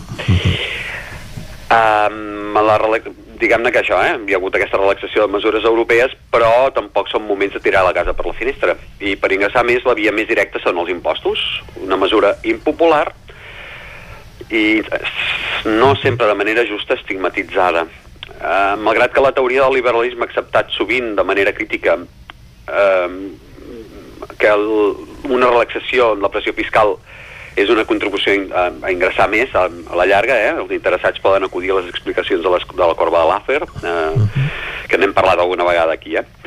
Uh, el moment actual, amb una pandèmia de greus efectes sanitaris i també econòmics, és poc propici per, per aquestes lectures teòriques. Uh, així, es dona a entendre en la lletra gran dels pressupostos que ara mateix estan passant el tràmit parlamentari.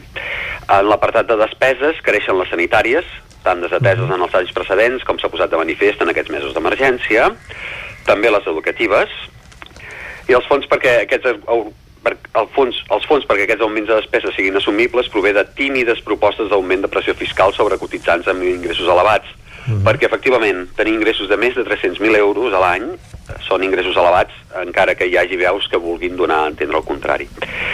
També hi ha algun maquillatge en l'impost de societats i altres fonts d'ingressos menys rellevants com l'augment d'impostos a les begudes ensucrades. Eh? Eh, es, diu, es diu que aquest vol tenir un efecte més dissuasiu que no pas recaptatori, però efectivament sí que hi haurà alguna entrada de diners perquè, perquè diguem-ne que l'IVA reduït que s'imposa en els productes alimentaris, en el cas de les begudes ensucrades es treu i això fa que mm, Polèmic impost al capdavall, no?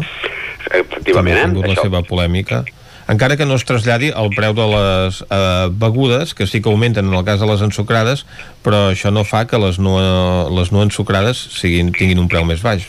Sí, i, i això també passa que mm, probablement a l'hostaleria aquest increment de l'IVA que s'imposa d'aquestes begudes ensucrades sigui només per al que compres al supermercat i en canvi no, ara encara es quedi amb el 10%. Eh? Però en tot cas eh, mm, també podem parlar més endavant d'aquest tema, però Sí, sí, efectivament això és un intent de, de incrementar una mica la part dels ingressos.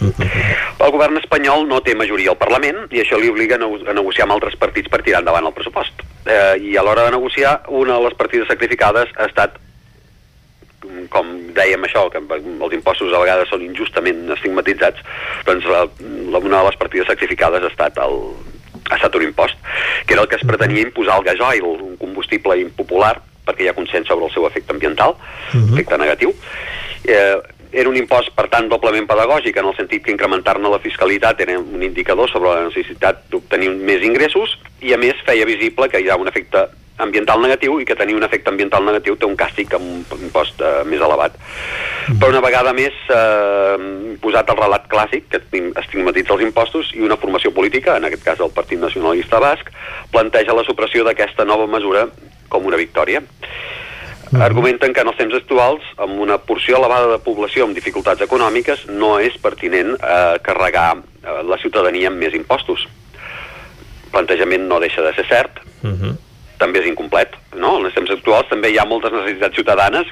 En primer lloc, la salut, però també econòmiques, eh? com demostren les constants peticions d'ajudes a sectors que han quedat afectats per les mesures dels governs per evitar contagis. Eh? L'hostaleria està demanant, està demanant ajuda. A... De, de fet, jo crec que no hi ha sector que no estigui demanant ajudes. Ah, exacte. Tot, I, tots i llavors- estan afectats en major o menor grau. També és cert, però, que alguns han hagut de tancar els seus establiments, com alguns establiments de bellesa, establiments esportius, establiments de restauració o culturals. eh, i tenen bastanta part de raó a demanar ajudes, no? Perquè no és, la situació no l'han provocada ells mm, i, i està clar que són sectors perjudicats. Però des de les mateixes veus que estan dient que s'ha d'ajudar aquests sectors, no sé, eh, foment del treball, PIMEC, etc. Eh? Uh -huh. eh, també diuen que no pugin impostos. Llavors, no sé d'on volen que surtin les ajudes, no? Llavors, sí, sí. Mm, aquí ja aquí tenim un punt de dificultat, perquè diguem-ne que la màquina de fer diners, si bé s'està fent servir, eh, no la té el govern espanyol, eh? La, la, màquina, la, la màquina és europea. Um, atendre, per tant, les demandes actuals i les que vindran requereix ingressos i en aquest camp, com en tants altres, l'estat espanyol té clars desavantatges respecte als socis nord enllà. Eh? La recaptació fiscal espanyola està estancada estancada sempre 6 punts per sota de la mitjana europea. Es recapta un 35% respecte al PIB, quan a la Unió Europea es recapta un 41%, eh, a França un 47%, eh, per cert, però, però anem, de, anem, de mitjanes, tampoc em, cal emmirallar-se amb, amb els casos extrems. No? Mm -hmm. Això passa perquè si bé sobre el paper Espanya és un dels estats europeus amb valors nominals més alts de l'IRPF, uh -huh. no tant en IVA, però sí en IRPF, i d'aquests tipus elevats els catalans eh, són, són dels que més en sabem, perquè aquí, a més a més, els trams autonòmics també són, són encara els més alts. Eh? Però existeixen un seguit de, me de mecanismes d'això que se'n diu al·lusió fiscal. No confondre amb evasió, eh? evasió és un delicte. -hmm. L'al·lusió són eh, elements que redueixen la factura final que es paguen. És cert que hi ha condicionants econòmics com l'elevada taxa d'atur, una riquesa per càpita inferior als socis europeus, eh, que també influeixen en la menor recaptació. Però hi ha aspectes com, per exemple, un IVA reduït que s'aplica a més articles que no pas a la resta d'Europa hi ha deduccions, hi ha bonificacions que distorsionen la capacitat de, de recaptació. Eh? En parlàvem amb el tema de la seguretat social fa uns dies. Uh -huh. eh, tot això influeix eh, en, en què hi hagi una recaptació més baixa. Uh -huh. I com a aspecte important hi ha la presència d'una important economia submergida, i així, aquí sí que estaríem parlant d'evasió, que contrasta amb l'escassa capacitat inspectora.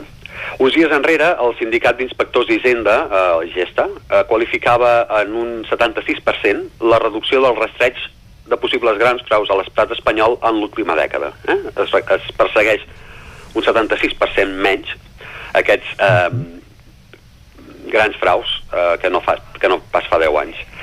Uh, aquest informe el recollia el diari Ara i estimava en 38.000 milions d'euros la quantitat que es deixa d'ingressar per l'evasió d'impostos i quotes defraudades a la Seguretat Social. Poca broma, eh? 38.000 milions. Els motius d'aquestes quantitats són de ben segur diversos, però apuntar constantment a la necessitat de reduir una pressió fiscal que les dades no acrediten que siguin precisament de les més altes d'Occident, com estàvem dient, eh, se recapta un 6% menys, ajuda poc a venir-se de bon grat a les grans cites de Hisenda. Si estem dient constantment que la persecució fiscal és molt forta a Espanya, eh, és bastant probable que hi hagi qui busqui una manera de que aquesta pressió sigui menys forta. I s'hauria de començar a explicar, potser, que no, la pressió fiscal no és tan forta i potser mm, començar a pensar que aquests mecanismes d'al·lusió doncs, potser haurien de ser inferiors. Els temps actuals haurien de ser una invitació perquè l'Estat sigui comprensiu amb els ciutadans, efectivament, però també perquè aquests mateixos ciutadans i els responsables de petites i grans corporacions comprenguessin que la comprensió i la complicitat ha de ser mútua. Eh? Eh, en benefici de tots, jo crec que aquesta complicitat govern, ciutadà, ciutadà, govern, uh -huh. hauria de ser un, una, una equació triomfadora. Segur que sí. Eh, Joan Carles, ara et demanem comprensió en a tu, se'ns acaba el temps, és hora de posar a punt i final aquest espai que dediquem a Economia cada dimarts. Moltes gràcies per il·lustrar-nos de nou, Joan Carles. A vosaltres, bon dia. Bon dia. Doncs en Joan Carles Arredondo posem a punt i final a aquesta primera part de l'última hora del Territori 17 d'avui. Ara farem una petita pausa i tornarem tot seguit. Exacte, tornem tot seguit amb el Descobrint Catalunya, anant a la R3 i ens queda encara parlar de medi ambient. Fins ara.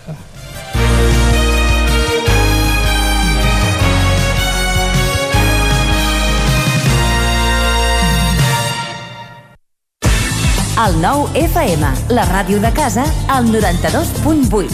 Cocodril Club. Si t'agrada la bona música dels anys 60, 70 i 80, escolta el 9 FM als matins de dissabtes i diumenges d'11 a 1. És el temps del Cocodril Club, tot un clàssic de la ràdio, amb les bases del pop-rock, les llegendes, les cançons que s'han convertit en autèntics himnes. Recorda, dissabtes i diumenges al matí, d'11 a 1, al 9 FM 92.8. Cocodril Club, el programa revival de l'Albert Malla. Hasta luego, cocodrilo. Vols trencar amb l'oligopoli de l'IBEX 35? Apunta't al consum estratègic i comença a consumir serveis catalans.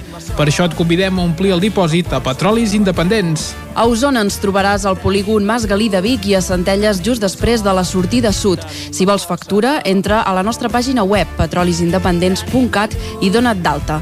Comença a ser independent. Tenim la força de l'amor. La Fogonera, resistència gastronòmica. És un restaurant? És un rostidor? És La Fogonera, la cuina en directe des de GURB, on encarregues, ho vens a buscar i ara també t'ho portem a casa. La Fogonera, resistència gastronòmica. Ara amb la fogonera de dia amb aperitius, arrossos, segons plats i postres. I quan cau la nit, ens transformem en un popurri culinari. Burgers, pizza, pasta... Truca al 93 851 55 75 o entra a lafogonera.cat. La Fogonera, el teu aliat gastronòmic. Cobertes serveis funeraris. Els nostres tanatoris estan ubicats en els nuclis urbans més poblats de la comarca d'Osona per oferir un millor servei. Tanatori de Vic, Tanatori de Manlleu, Tanatori de Centelles i Tanatori de Roda de Ter. Sabem que són moments difícils i per això el nostre compromís és atendre-us en tot moment amb un tracte humà, sensible i respectuós. Cobertes serveis funeraris. Telèfon 24 hores 93 883 23 46.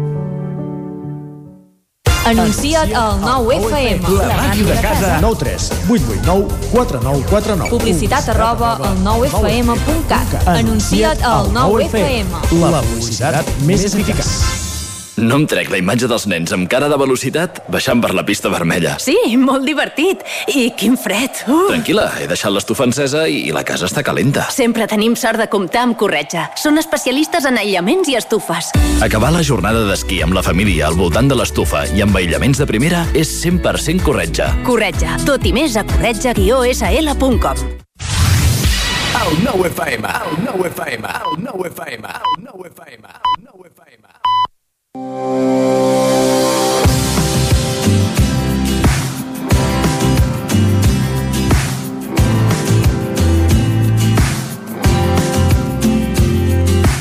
Avui seguim descobrint la comarca del Vallès Occidental. Una de les coses que podeu fer a la comarca és passejar pel Parc Natural de Collserola. Si us agraden els itineraris per espais naturals en un entorn magnífic i ple de patrimoni, podeu passejar-vos caminant i també en bicicleta per múltiples rutes que s'adapten a totes les necessitats des de Cerdanyola i des de Sant Cugat. També s'hi fan activitats com visites, excursions, passejades temàtiques i descobertes en família. I per descomptat, el Tibidabo, el turó més emblemàtic del massís. Us estarà observant des d'allà on sigueu i esperam-vos si voleu gaudir d'unes increïbles vistes de la ciutat de Barcelona. Us apassiona el vi? Sabíeu que el Vallès durant molts anys ha estat terra de vinya? Alguns dels vins que possiblement coneixeu són la Raona, l'Amfiteatre o els Cinc Quarteres. Podeu fer una visita a les vinyes i conèixer els projectes que hi ha, o també anar a qualsevol restaurant i demanar un dels bons vins de la comarca, tots ells de qualitat i produïts amb raïm cultivat a la zona. Una altra opció que teniu és conèixer els dos cellers cooperatius de l'arquitecte César Martinell, que s'han conservat, el de Sant Cugat i el de Rubí. La indústria tèxtil a la comarca també és ben coneguda. De fet, la vinculació d'aquesta manufactura amb el territori és històrica i hi ha testimonis ben importants relacionats tant amb el moviment cultural del modernisme com amb el patrimoni industrial. Si us apassiona tot aquest món, teniu propostes ben diferents i podeu fer la que més us vingui de gust. Per exemple, podeu visitar el Museu Nacional de la Ciència i la Tècnica de Catalunya, fer rutes temàtiques o també participar a la Fira Modernista de Terrassa. La campanya Redescobreix Terrassa ofereix múltiples rutes i visites guiades gratuïtes a la ciutat, així que presteu atenció i escolliu el que més us vingui de gust. El mirador d'Ullastrell, el poble de Rellinars, els turons de la Serra de l'Òbac, la panoràmica des del cim de la Mola o des de Santa Perpètua de Mogoda. Només són alguns exemples de llocs que us regalaran moments molt màgics al cap vespre. Veure com s'amaga el sol sempre és especial. A més a més, us proposen fer una fotografia des d'allà on estigueu veient i que la publiqueu a les xarxes socials per compartir-la amb tothom, etiquetant a Viu al Vallès.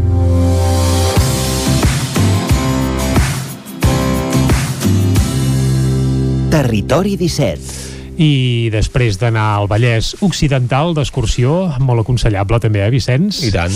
El que ens toca ara és anar amb tren, sí? Som-hi. Pugem cap a la Trenc d'Alba? Doncs anem-hi. Anem amb tren. Anem-hi. A Tren d'Alba.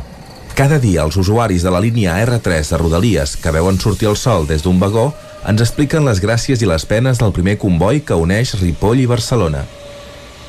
Benvinguts a Tren d'Alba. I avui el col·lectiu Perquè no ens fotin el tren segueix recordant que l'afirmació de territori de que el transport públic manté el 100% de l'oferta és falsa i ho fan dient que abans del març hi havia 78 trens al dia a la línia R3 i ara només n'hi ha 72. Els sis que falten són els de l'Hospitalet Granollers que es van suprimir. És fàcil saber la veritat buscant només una mica. Va, us deixo ja amb la crònica de la Núria. Bon dia des de l'R3. Avui el tren ha sortit 14 minuts tard de Vic i arriba 12 minuts tard a Barcelona. Hem sortit amb cel rogent que contrastava moltíssim amb la foscor dels edificis.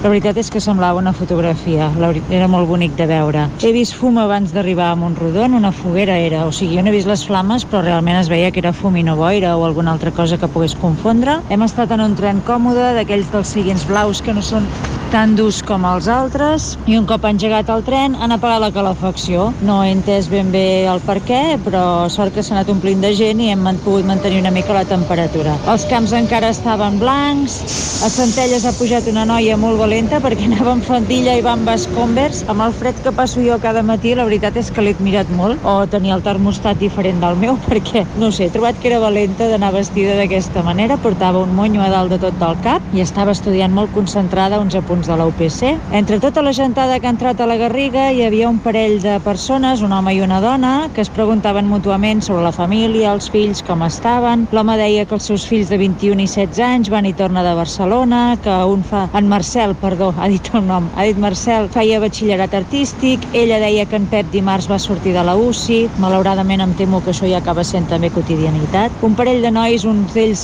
parlava amb mocador i gorra, i es posaven també el dia amb l'altre de, sobre les respectives parelles. Un deia que està amb algú tant treballant com a parella, i l'altre li deia que vale, que no li preguntava això, però que ja li semblava bé que li expliqués, i també li deia que ja no estava amb la Laura, sinó que estava amb una altra i ell li deia que estava molt content que ja no estigués amb ella. En fi, un cop repassades les parelles de cadascú ja no han tingut res més de què parlar. Sorprenentment tothom parlava en català, us he de reconèixer que com més va el temps eh, més difícil és que a partir de la Garriga la gent parlin en català. El missatge sonor dient que estava prohibit menjar, beure i parlar al tren ja feia estona que s'havia acabat de sentir i per tant la gent doncs, bueno, feien petar la xerrada. I us informo que l'aparcament de Mollet segueix tan tancat i barrat com sempre, però no s'hi veu gens de moviment. Sé que hi ha com unes vies velles aparcades allà i hi ha una màquina, però a part d'això no hi ha res més. Fins aquí la crònica d'avui. Desitjo que tingueu molt bon dia, cuideu-vos i feu bondat. Una abraçada des de la Núria, des de l'R3. Bon dia!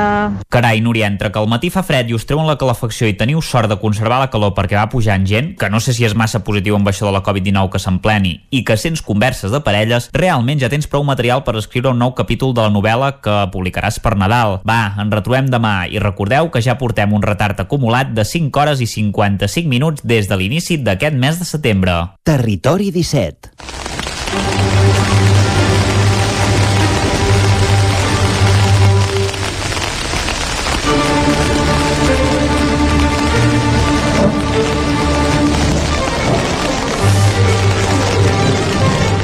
Doncs quan són gairebé dos quarts i mig de 12 del matí, seguim en directe aquí a Territori 17 i el que ens toca ara, com cada dimarts, és parlar de medi ambient. Avui, com fem habitualment un cop al mes, anirem cap al Centre d'Estudis dels Rius Mediterranis, ubicat al Museu del Ter de Manlleu, i avui ho farem per parlar bàsicament dels nous materials educatius eh, del projecte Life Alnus. I és per això que aquí saludarem ara mateix, Vicenç, és a l'Èlia Bretxa, que la tenim a l'altra banda del fil telefònic. Èlia, molt bon dia.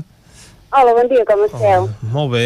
Ah, nosaltres anar fent. Uh, L'Èlia, per cert, confinada o pseudoconfinada o en quin estat esteu, més o menys? Mm, estem bastant normals, sempre cometes, diguem, estem a l'oficina de Manlleu, atenent, com que tenem grups bombolla, uh -huh. uh, podem, podem seguir fent la feina de museu i d'acció educativa amb, amb normalitat eh, semi-normalitat perquè, clar, els grups no ens venen de gaire lluny, no? Però sí que grups de Vic o de Manlleu els, continuem, els continuem atenent i estem treballant eh, diversificant espais i això, però no a les oficines. Sí. Bé, això està bé, això està bé. Tot i que feina de camp també en podeu fer, no? Sí. No hi ha Sí, perill de sí, contagi, no? sí, Si sí, sortiu a l'aire sí, lliure. No n'hi ha tanta, però sí, sí, l'aire lliure és el millor. Uh -huh. Es pot continuar fent. Èlia, eh, avui volíem parlar dels nous materials educatius de Life Alnus, però primer de tot hauríem de saber o recordar almenys què és el projecte Life Alnus, perquè molts, evidentment, eh, estem una mica perduts quan, quan sentim això. Eh? Eh, com definiríem sí. aquest projecte? Què és? A veure, és un, és un projecte LIFE, que els projectes LIFE són programes que financia la Unió Europea i que mm, el que intenten és eh, ajudar doncs, espècies que, mm, per protegir una espècie que estigui en perill d'extinció o que estigui vulnerable. No? I en aquest cas eh, es, va, es va preparar aquest projecte per l'espècie que n'hi han dit el nom, que diu Life Alnus, doncs Alnus, Alnus glutinoses és el nom d'un vern, amb, amb el nom científic d'un vern, no? Uh -huh. Un Llavors, que és un, un el- arbre de, de ribera, diguem-ne, Sí. perquè ens entenguem. Sí, sí, eh? sí, sí. És a dir, el projecte està pensat per protegir aquests boscos de riu en què l'espècie predominant, o sigui, l'arbre pre- predominant és el vern. val? Uh, I aquest hàbitat de les vernedes ben, ben consolidades, amples i amb extensió, uh, a les zones més mediterrànies, eh, més amb, amb el clima mediterrani més sec que no pas a, a les zones europees, que en, que en aquest cas no està amenaçada, però sí que ho està a les, a les zones mediterrani, medi- mediterrànies és un hàbitat en, en regressió. Uh -huh. Mal, llavors diguem que en vez de... En queden, mm, queden molt poques vernedes ben conservades i allà on hi hauria d'haver vernedes doncs no se n'hi troba. No? I el que intenta fer el projecte és augmentar la superfície que ocupen aquestes vernedes a Catalunya allà on n'hi n'hi podria haver però no n'hi ha. Clar, molt sovint potser el que hi ha són pollancres, d'aquests de creixement ràpid al costat dels rius, Sí. eh, i les vernedes s'han anat foragitant, no han anat desapareixent, oi? Sí, com que el territori té molta pressió urbanística i de diferents usos, doncs el bosc dels rius ha anat minvant, diguem, i també hi han aparegut això que dius, eh, espècies invasores de plantació, de jardineria, el que sigui, no? Llavors, eh, les vernedes necessiten realment un ambient molt humit i molta aigua, i, i en protecció, diguem, no, no necessita una certa extensió per desenvolupar-se, no? Llavors, eh, mm, vistes les condicions climàtiques, n'hi podria haver més lloc, però mm, han quedat molt, molt relegades. No? Llavors s'han de fer uns treballs forestals i reintroduccions i també tot un tema de regulació d'usos de, de les vores de riu i també de l'aigua per, per, per anar potenciant doncs, la presència d'aquests boscos. Uh, per cert, uh, Èlia, aquest tipus de projectes habitualment crec que tenen una durada d'uns 4 anys, no sé quan vau arrencar Sí. vosaltres. Sí, mira, estem ja a l'últim any, el 2020 és l'últim any d'aquest projecte, Uh -huh. uh, o sigui que, que s'acabarà... En principi s'hauria d'acabar el 2020, però s'ha hi ha hagut un, s'ha demanat una pròrroga per al tema també de, del Covid i per un, la concessió d'uns treballs perquè s'havien de portar a terme al riu amb tots els permisos de l'Agència Catalana de l'Aigua i això s'ha endarrerit una mica, s'ha demanat una pròrroga i durarà un any més. Uh -huh. Uh -huh. Un any més que s'allarga perquè també a conseqüència doncs, de, de la Covid segurament no heu pogut dur a terme totes les activitats que teníeu previstes perquè també heu hagut d'estar confinats com tothom, no? Sí, sí, sí, de fet jo us explicava eh, el tema de, dels materials educatius i tota el- la discussió que s'ha- que s'havia de fer o que s'ha fet del projecte, doncs incluïa anar a les zones on s'han fet aquestes millores de la vegetació de ribera o en zones que, doncs les, les zones, el projecte té quatre grans zones pilot d'actuació de, de, dins del territori de Catalunya, no? la Cerdanya, tota la zona del Congost, tota la zona del Vallès i, i també aquí a Osona, Llavors, en les zones on, te, on te passa el riu hi ha aquestes vernedes, on s'havia d'anar doncs, en els pobles i a, la, i a les escoles especialment a fer tota una activitat de sensibilització que es va començar a fer doncs, abans, amb el, el curs anterior. Abans del es va veure tallar. Sí, va, ja vam començar doncs, a fer activitat i llavors amb la Covid sí que això es va estroncar i llavors els, els, tots els materials educatius que teníem eh, que estaven ja portant-se a terme en aquestes primeres sessions, doncs es van haver de replantejar per adaptar-los a una situació de, de confinament o de, de no poder anar nosaltres a, a l'escola. o en el centre educatiu, instituts també, etc. No? I llavors vam, vam, vam elaborar aquests materials en format revista, uh -huh. us podeu imaginar doncs, una revista tipus Cavall Fort o la Namaca, uh -huh. que planteja diferents activitats i en diferents... Uh, hi ha diferents estils, hi ha reptes, hi ha lectura, hi ha una historieta, hi ha apartats de redacció, així és com, com una revista juvenil, per fer-ho més amè i visual, -huh. de manera que doncs, uh, un nen pugui anar sol, o un jove pugui anar sol al riu i descobrir diferents coses i que li expliquin coses del riu i aquesta importància de, de la vegetació de ribera, dels boscos i dels verns, i també pugui anar doncs, amb el seu, un mestre que s'ho pugui descarregar i ho vulgui doncs, doncs, també anar-hi amb el seu grup, i també podem fer servir nosaltres amb, amb, amb escoles que, que continuem atenent. Eh? I aquest I... material ja està disponible, sí? Sí, Sí, sí, sí, aquest, aquest material ja es va acabar ara abans de començar el curs i, i està ja penjat en la web de, doncs, del Centre d'Estudis del Riu Mediterrani, també està penjat a la web del Museu del Ter en els recursos educatius de, de les activitats educatives i també està penjat a la web del, del projecte en si, del projecte LifeHound. Mm -hmm. Pot descarregar gratuïtament i, i, i es pot anar al riu a fer una mica de descoberta. Sí.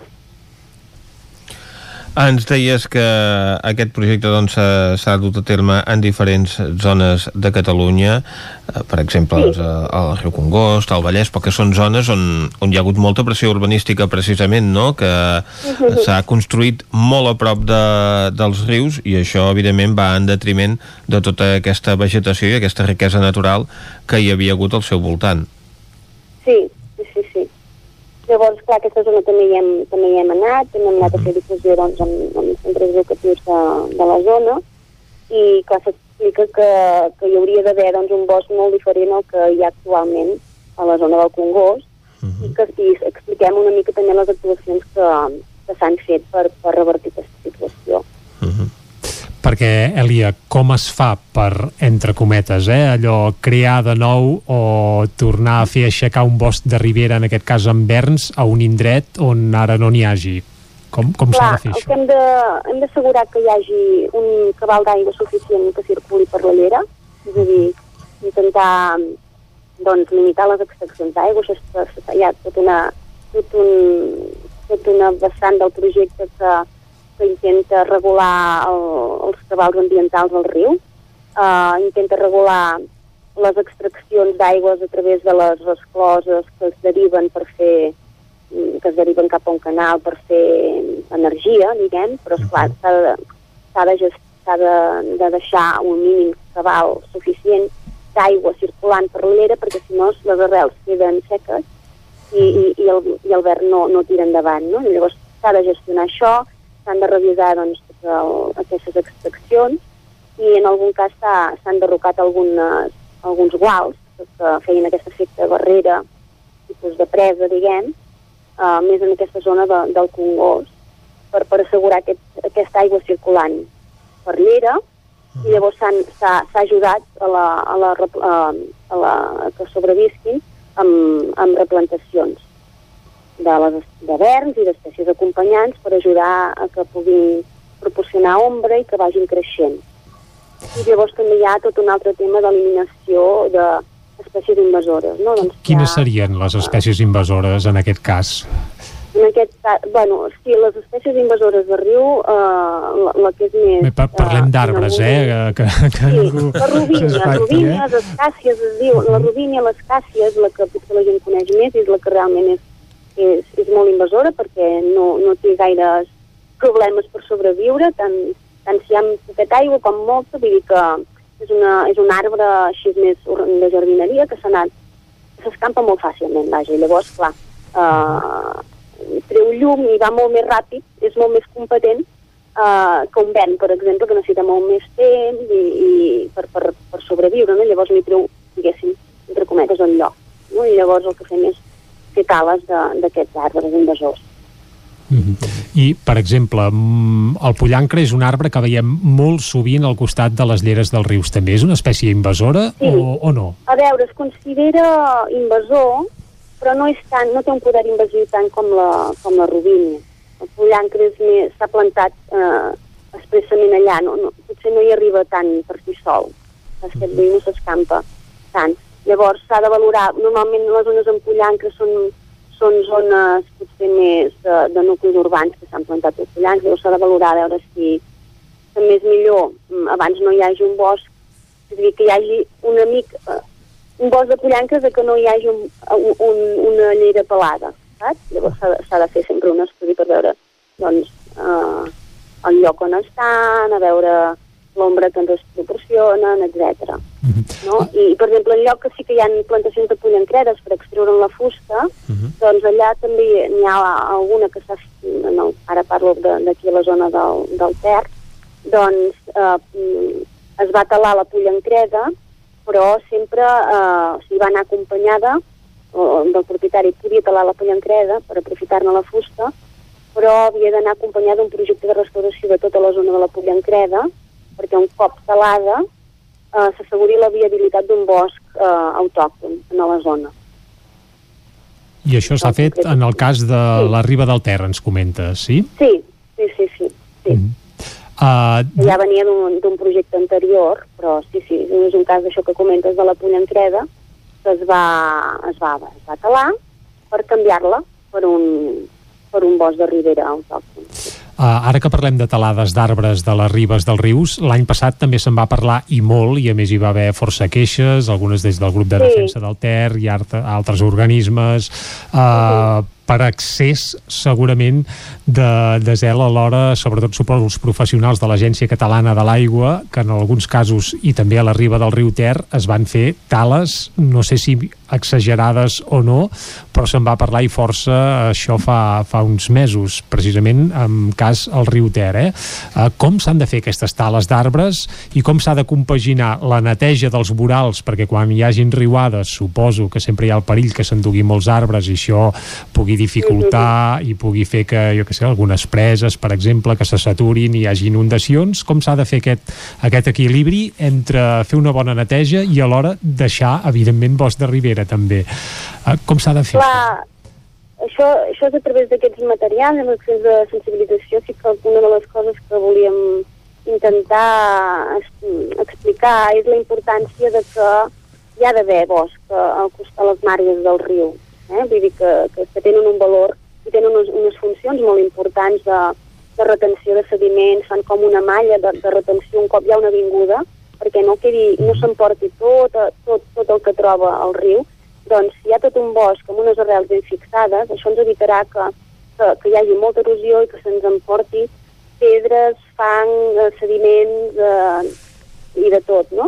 Eh, el que passa és que, mm, que clar, eh, ha estat també molt explotat el riu i molt urbanitzat en zones que sabem que un cop cada 100 anys s'inunden. Llavors aquí, clar, ja entrem en un problema de que hi ha una, una casa o uns edificis o un passeig que s'ha de, de protegir perquè no se'ns l'emporti i, però esclar, el riu, el riu, el riu té el seu espai i, i l'ha d'ocupar. No? Llavors, doncs, les mesures potser, en lloc de fer mm, tales, potser seria més doncs, abans d'arribar a aquestes zones urbanitzades, deixar zones de lami- de laminació de l'aigua, perquè l'aigua es calmi, diguem, o sigui, que, que hi hagi uns camps amb uns boscos eh, abans d'arribar a la zona urbanitzada, on l'aigua perdi aquest poder, poder erosiu, no?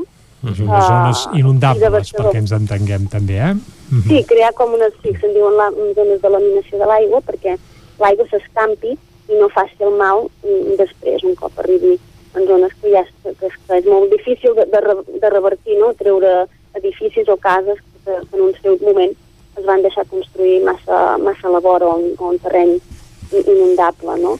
Uh, clar, evidentment, uh, potser sentíem en aquells dies del Glòria, el Glòria és una cosa més excepcional, no?, d'això, un- una, una avinguda així, en teoria, havia de, succeeix un cop cada, cada molts i molts anys, no? Um, no sé si amb el canvi climàtic això pot ser diferent, però en tot cas, quan sentíem les notícies de que hi havia hagut aquest Glòria, doncs una mica la idea que li queda a la gent o que, transmet, es transmet en, en les notícies o en mitjans que, que el riu està brut. I des d'aquest projecte és, és intentar canviar una mica el concepte de vegetació igual a brutícia, perquè quan deien està brut, està brut de què? Està brut d'arbres, no? Llavors això tampoc és una idea que, que hauria de, Vaja, que és una mica un, un prejudici que tenim, no? És a dir, quan veiem un riu sí. envoltat d'esbarzers, mates, arbres, això no és que estigui brut, sinó que és el seu no. estat, en teoria, natural.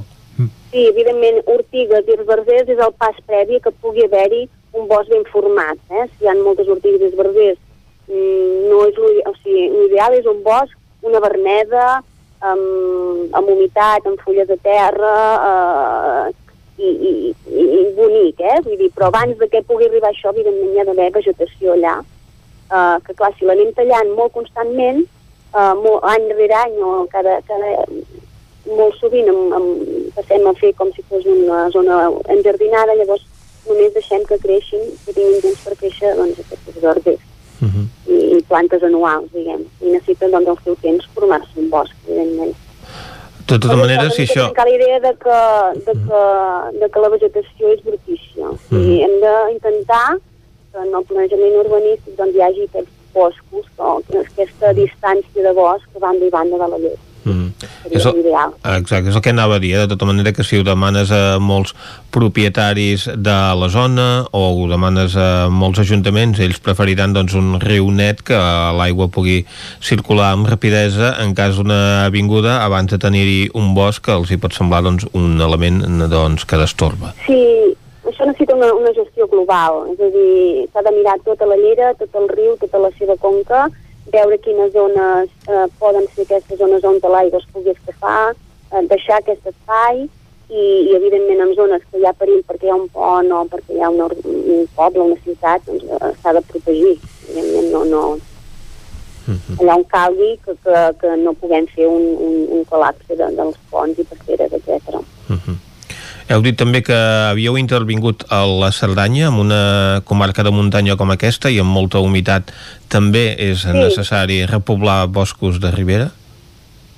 Uh, a la zona de la Cerdanya, precisament, uh, bueno, s'hi ha actuat per, sobretot, um, tenen una de, la, una de les vernedes més, més conservades de Catalunya, llavors això uh -huh. uh, s'ha posat en valor, se'ls ha, explicat amb la gent del territori, i en un, en un punt en aquesta verneda um, hi havia hagut un antic abocador, doncs uh -huh. uh, l'actuació que s'ha fet puntual en allà, uh, d'aquest uh, camp específic, és ajudar a naturalitzar aquest antic abocador, convertint-lo, doncs, ajudant que torni a haver-hi la continuïtat d'aquesta verneda tan, tan important que tenim aquí a Catalunya, que està a la Cerdanya. Que és a la riba del riu Segre, potser? Sí, sí, sí, sí és, és, és, és conca del riu Segre. Uh, Èlia, uh, anem acabant, però també volem preguntar-te, clar, ens has deixat molt clar que el projecte s'acaba l'any vinent, però no sé si teniu previst demanar algun altre l'AIFALNUS, perquè m'imagino que la feina en aquest sentit, sobretot pedagògicament, però també d'actuació al voral dels rius, eh, no s'acaba ni molt menys ni, ni es pot donar per, per acabada perquè encara hi ha molta feina per fer. Eh? Pot ser que tingui, que tingui continuïtat tot plegat? Sí, i estem treballant, estem treballant. Suposo que un live alnos eh, mateix, un mateix eh, format no podrà ser, perquè són projectes que això comentava que pots demanar pròrroga però no eh, continuar indefinidament, però sí nosaltres estem ja demanant altres projectes sempre no, amb el riu de fons, amb tema de cabals ambientals, eh, protecció doncs, del bosc de ribera i aquests temes que, que nosaltres treballem de, de protecció dels rius. Doncs, Èlia, moltes gràcies per haver-nos acompanyat avui a Territori 17 i ens quedarem amb un parell eh, o, o moltes més eh, idees que ens has llançat. Primer, el bosc de Ribera, és necessari quan veiem un voral de riu amb molta vegetació, això no és brutícia, sinó que és, eh, vaja, és bo i precisament ens delata o ens denota el bon estat de salut de l'entorn i per tant va ser hora que canviem una mica el xip amb algunes qüestions, sobretot dels vorals dels rius. I a més a més també ens quedem amb que hi ha tots aquests nous materials educatius del projecte Laifalnus que estan penjats, ens has dit, a la web tant del Centre d'Estudis com del Museu del Terra, oi que sí? Sí, Sí, sí, sí, hi ha tant uh, recursos educatius, uh, tant de les dues webs com de la web del projecte de l'AIFAUNUS. Uh, trobareu aquest, aquesta revista que us comentava i una altra làmina amb, una, amb un dibuix naturalista o que és una vernesa i amb activitats potser més per, per famílies, per fer com, com, com un passatemps a la, a la part del darrere d'aquesta làmina. Mm -hmm. I tots són descarregables gratuïtament des d'aquests de, des espais web que us he, que us he comentat. Exacte, livealnus.eu, aquí trobarem tota la informació d'aquest projecte i aquestes fitxes descarregables. Doncs Èlia Bretxa, del Centre d'Estudis dels Rius Mediterranis, moltes gràcies per acompanyar-nos una vegada més aquí a Territori 17. Salut, sort i, i això, i fins ben aviat. Gràcies. Molt bé. Igualment, a vosaltres. Fins aviat. Vinga, adéu, que vagi molt bé. Adéu, Adéu-siau. Gràcies. I Vicenç, amb deures pel cap de setmana, perquè els que Mhm. vivim a la vora del riu Ter, doncs, goita, jo em descarregaré això i al cap de setmana fer-hi un vol i a comprovar-ho, doncs això. Per suposat, com que no pot sortir del municipi. Clar, clar, clar. Uh, però vaja, tinc el Ter a darrere casa, per tant, això ho podré fer, anar-hi fer un vol i això, a més a més, veient aquests recursos pedagògics que han impulsat des del Centre d'Estudis dels Rius Mediterranis. Però ara no ens toca parlar més d'això, sinó que ens toca acomiadar-nos. Doncs sí senyor, toca acomiadar aquest territori 17 d'avui que hem fet Clàudia Dinarès, Caral Campàs, Isaac Muntades, David Auladell, Pepa Costa, Isaac Moreno, Òscar Muñoz, Txell Vilamala, Guillem Rico, Txela Falgueres, Natàlia Peix, Joan Carles Arredondo, Núria Lázaro, Jordi Sunyer i Vicenç Vigues. Tornem demà. Salut. Adeu. Territori 17, un magazín del nou FM. La veu de Sant Joan Ona Codinenca i Ràdio Cardedeu amb el suport de la xarxa. El nou FM.